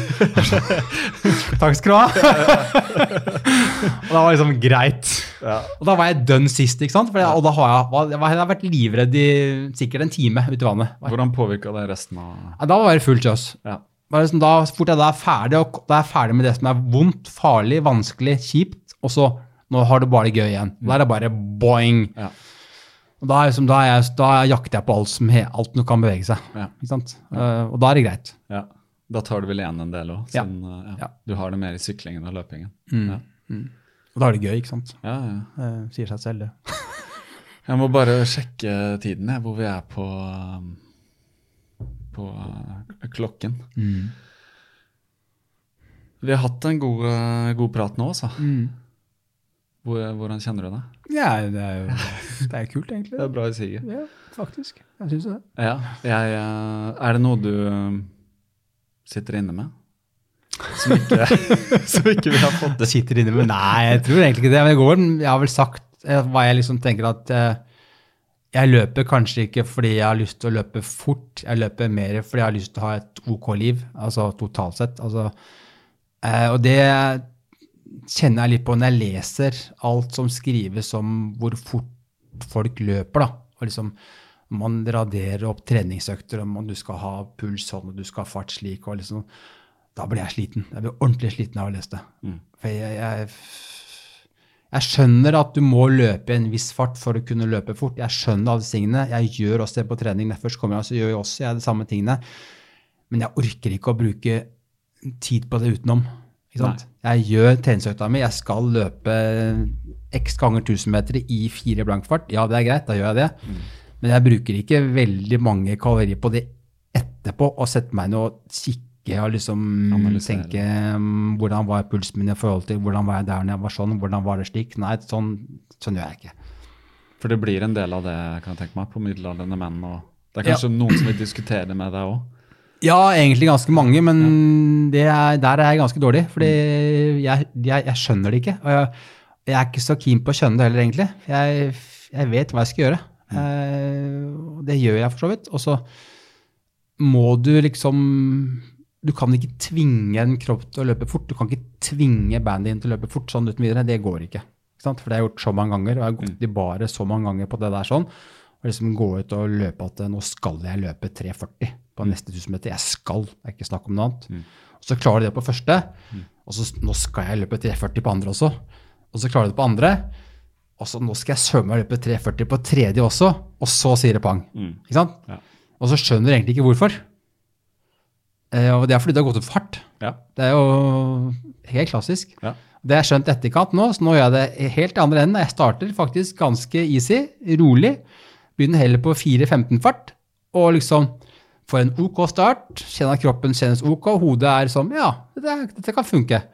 Du kjenner litt på liksom alt mulig rart, og så kan du sakte, men sikkert det, tid. ja, og det snakker jeg alltid om at du ser på det som trappetrinn. At du starter nederst, så skal du bare løpe fortere og fortere. Det det blir er jo en liksom- mye bedre økt av det. Ja, og, det, og da slipper du egentlig å analysere så mye, for det er egentlig, egentlig bare snakk om å starte i en fart og ende i en annen fart, og så alt midt imellom, så Ja. tar du det som du kommer, liksom. Så du kan si at du løper mer på liksom følelsen, da? Ja. Eller hvordan du oppfatter det? Jeg da. løper nok veldig mye på følelse, og de dagene hvor jeg har gode dager i konkurranse, så løper jeg fort. Mm. Mens de dagene hvor jeg bare har en helt grei dag, så løper jeg akkurat passe. Men så, det er veldig sånn, de, de løpene hvor jeg har løpt bra opp gjennom tidene, så har jeg hatt den der følelsen at jeg bare kan jeg kan bare løpe til jeg blir dust i huet, for det, ingenting stopper meg. Altså, for jeg, jeg bare løper. Da går det av seg sjøl. Og da har jeg alltid starta ganske pent, og så har jeg bare mm, mm, mm, sakte, men sikkert fått i gang beina, og så er det bare å kjøre på. Og da er liksom da, da, da er sånn at da har jeg så mye krefter at det er helt vilt. Det en fantastisk følelse. Ja, det er den som er kul å ha, da. Ja, det er det. Eh, hvis du har den i løp, uansett hvilken fart du løper, men du får den samme progresjonen, da, Ja. så er det Da er det kult å løpe. Da, da, da kjenner du at du også lever på sånn Da kan du nesten fly, liksom.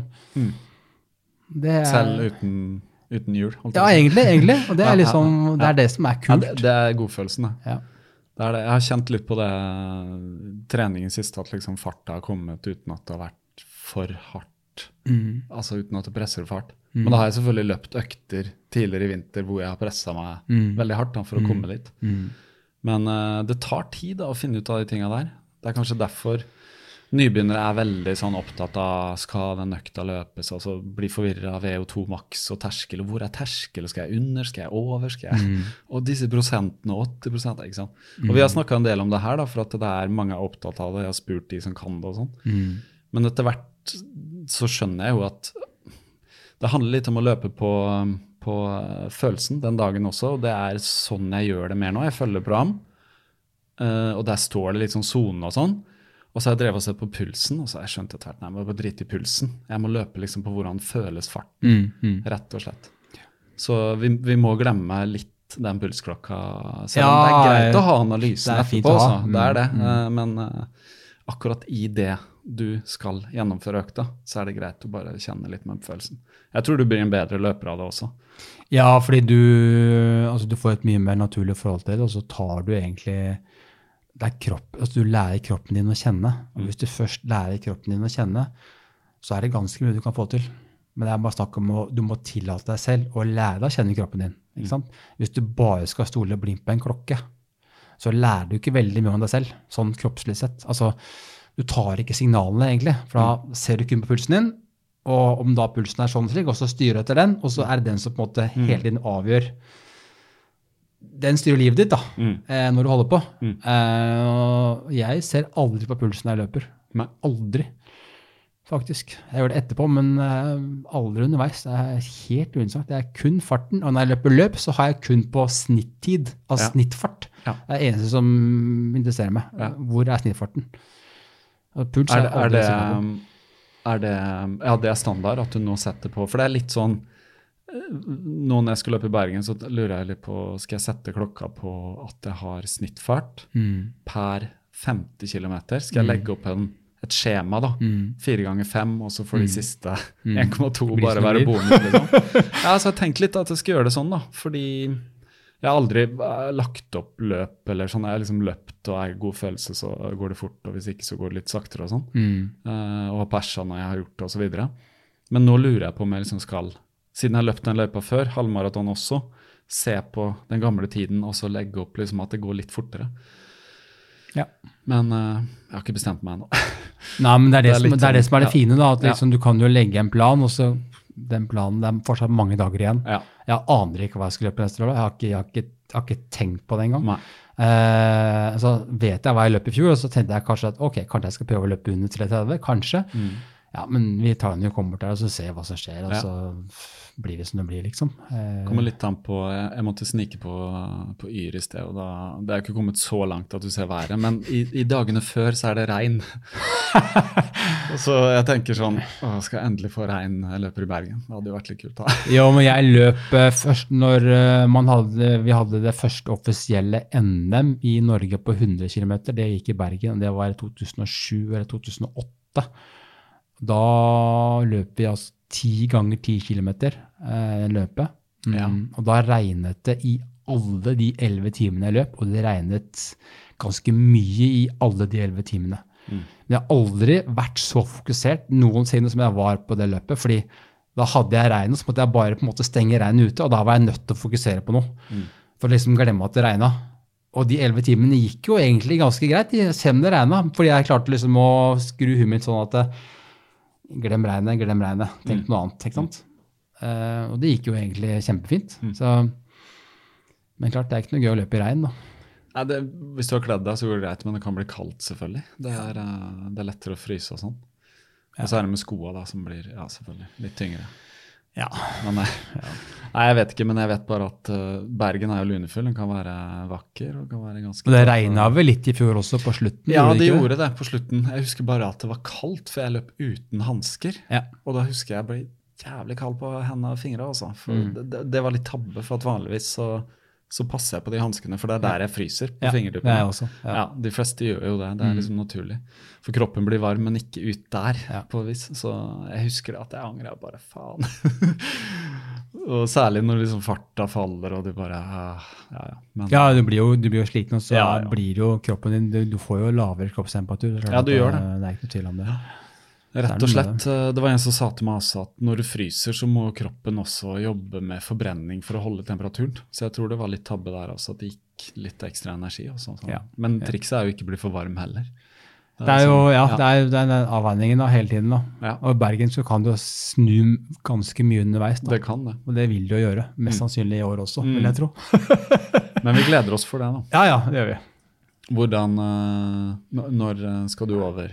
Eh, jeg drar neste fredag. Ja. Men om jeg skal kjøre bil eller om jeg skal fly, har jeg ikke bestemt meg for ennå. Jeg får se hva jeg finner på. Ja. liksom. Du hadde pleid å ta biltur over? I fjor så kjørte vi, for da jeg, dro jeg sammen med en, en kamerat og samboeren hans. Og han kompisen, da, faren hans, er jo Terje Hellerud, da, tidligere Vålerenga-spiller i fotball. Så planen var at vi skulle løpe i Vålerenga-drakt. Mm. så han hadde sin drakt på, og jeg hadde min drakt på. Da hadde jeg selvfølgelig da med midt bakpå, da. Um, Fikk du høre noe i Bergen pga. det? ja, det var flere som kommenterte det, at jeg kom i Vålerenga-drakt.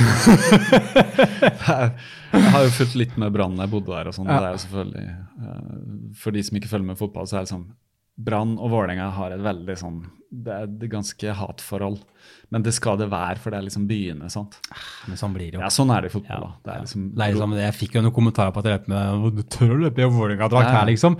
Men alle de fleste er jo blide og hyggelige uansett. Da. Så det er, liksom, det er bare en sånn fotballgreie. Eh, og jeg er klart Jeg løper sikkert med drakta altså for å kanskje provosere litt. ikke sant? Ja, ja. Selvfølgelig gjør du på en måte det. Det er lov. Eh, hvis du liksom bruker verste drakta i Bergen, liksom. Ja. ja. Jeg husker det. det altså, jeg, jeg glemmer det ikke siden jeg kom løpende og så Der er han, jeg har liksom med Vålerenga-drakt. og- Ja, men det, Det Jeg syns det var kult. da. Jeg syns det var kult. Ja, det var en morsom, morsom greie. Ja. Du har noen bilder av det og sånt som uh, er verdt å Ja, ja, ja. på. ja, ja. Absolutt.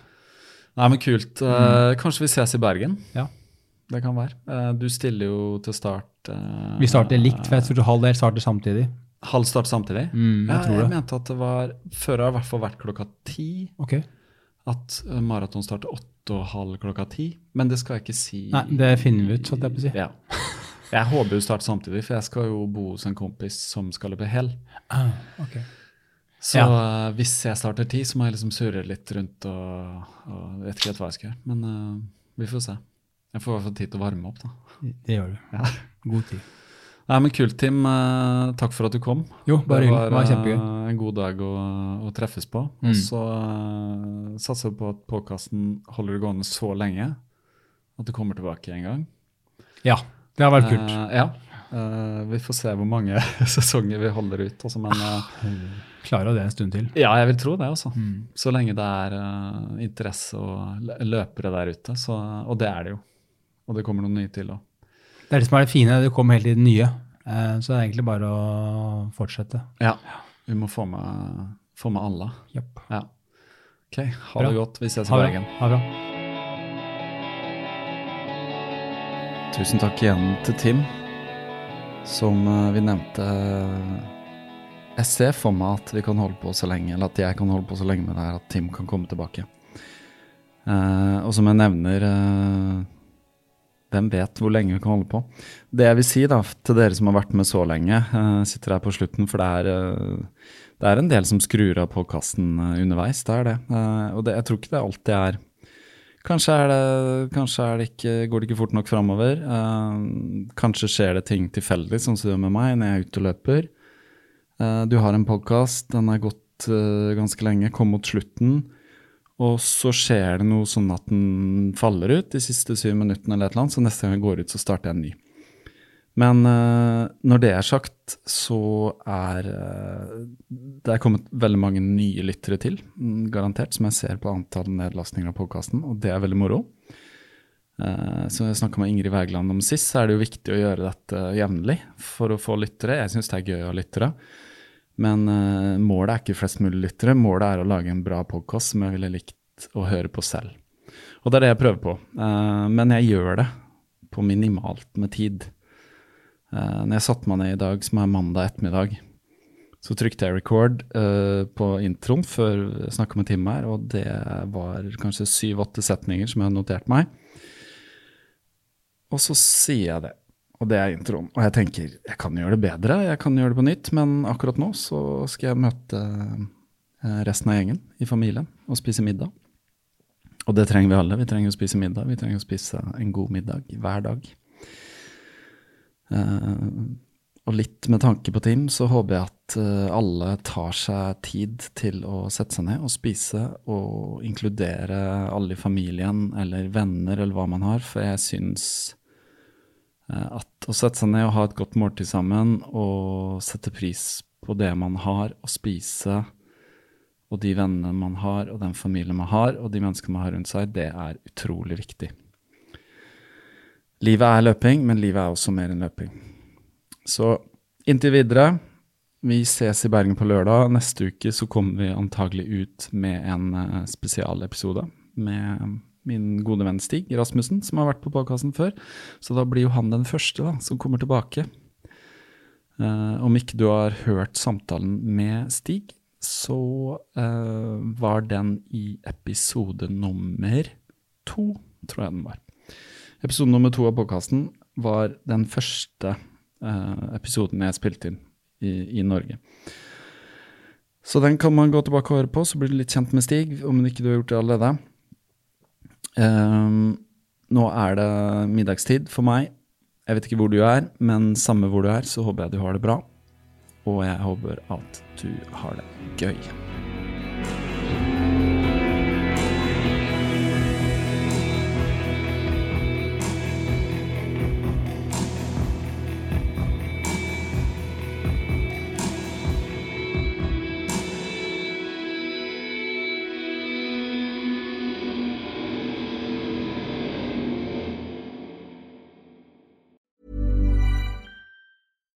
Hi, I'm Daniel, founder of Pretty Litter. Cats and cat owners deserve better than any old fashioned litter. That's why I teamed up with scientists and veterinarians to create Pretty Litter. Its innovative crystal formula has superior odor control and weighs up to 80% less than clay litter.